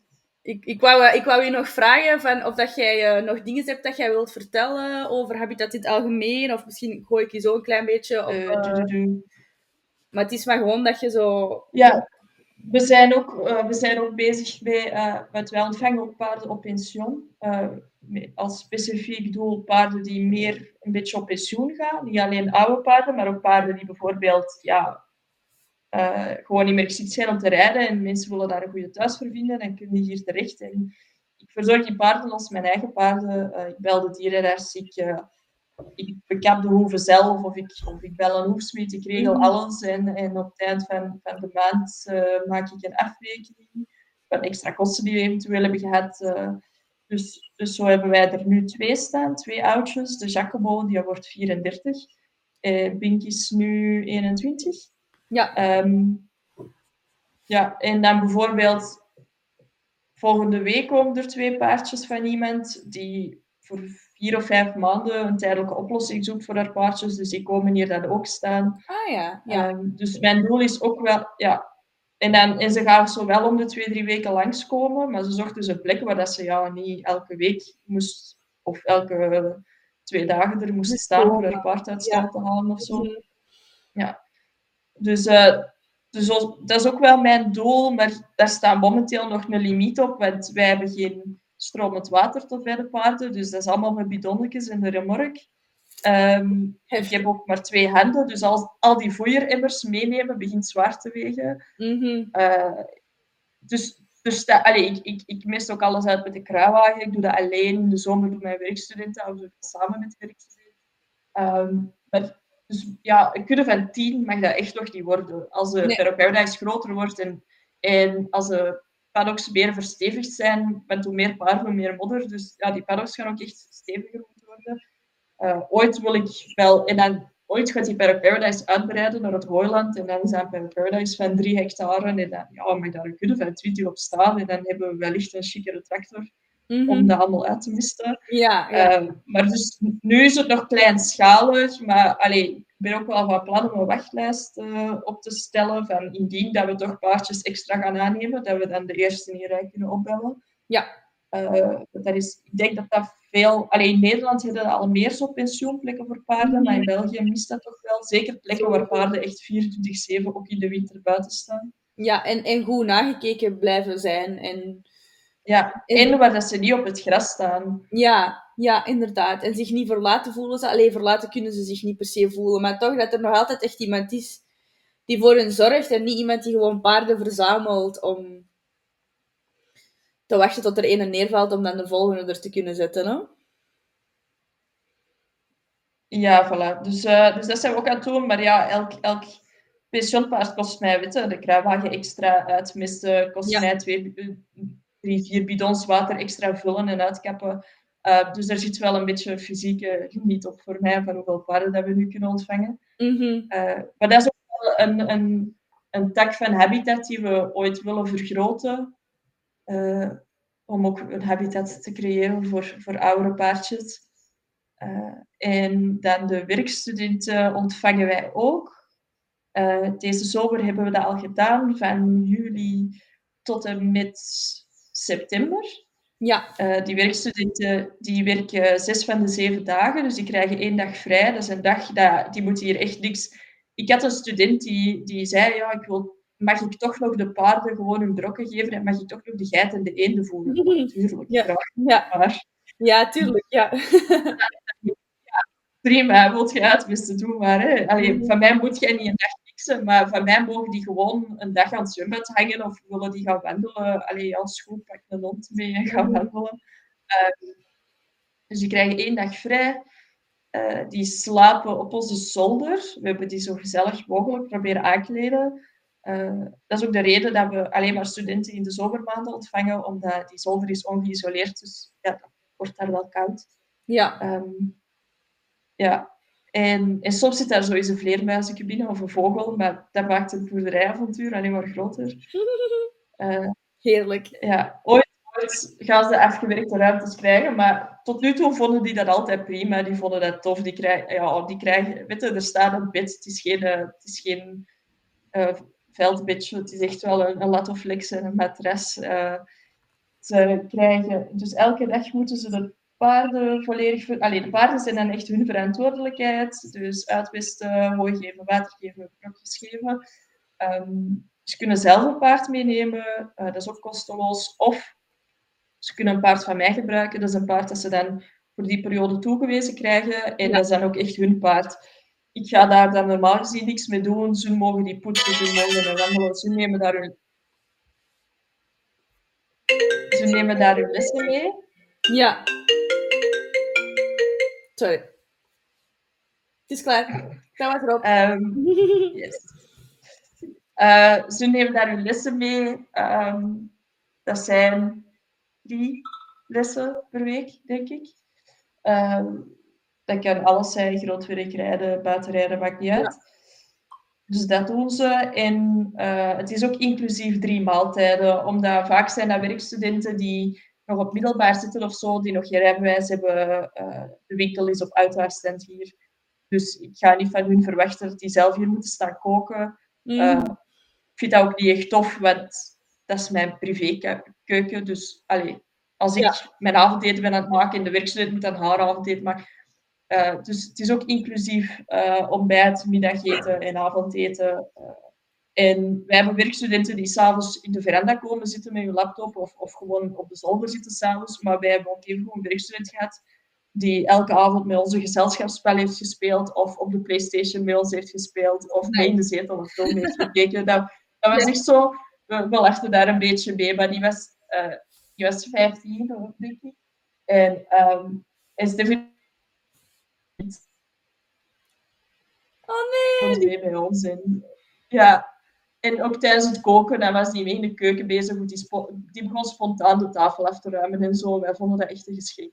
Ja. Uh, dus ja, ook weer zo van, allez, je hebt wel je, hebt je taken, je hebt je verplichtingen, maar wij hebben werkstudenten die na hun taken en verplichtingen zeiden van, ik, uh, ik ga studeren voor, voor mijn examens en ik zet mij aan het zwembad. En mm-hmm. wij hadden even werkstudenten die tijdens gietende regen zeiden, zeg, zal ik nog wat onkruid gaan, gaan uh, verwijderen op de oprit? Mm-hmm. Ja, prima, doe maar.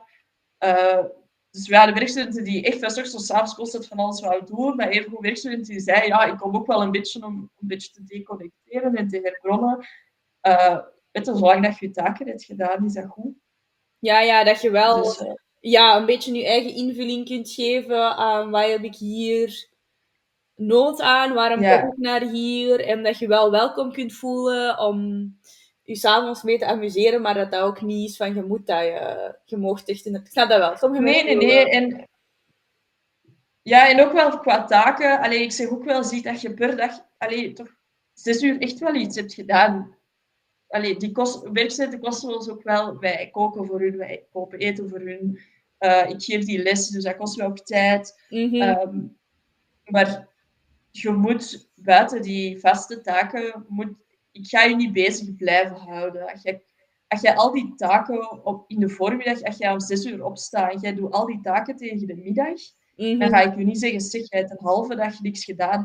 Maar ik had even gewoon een werkstudent, ja, die stond om negen uur op, die begon om tien uur. En dan was die zo om vijf uur s'avonds was die klaar en dan ging die in het zwembad zitten totdat ik zei dat het eten klaar was. Ja. Ehm, je ziet hoe dat je je dag invult.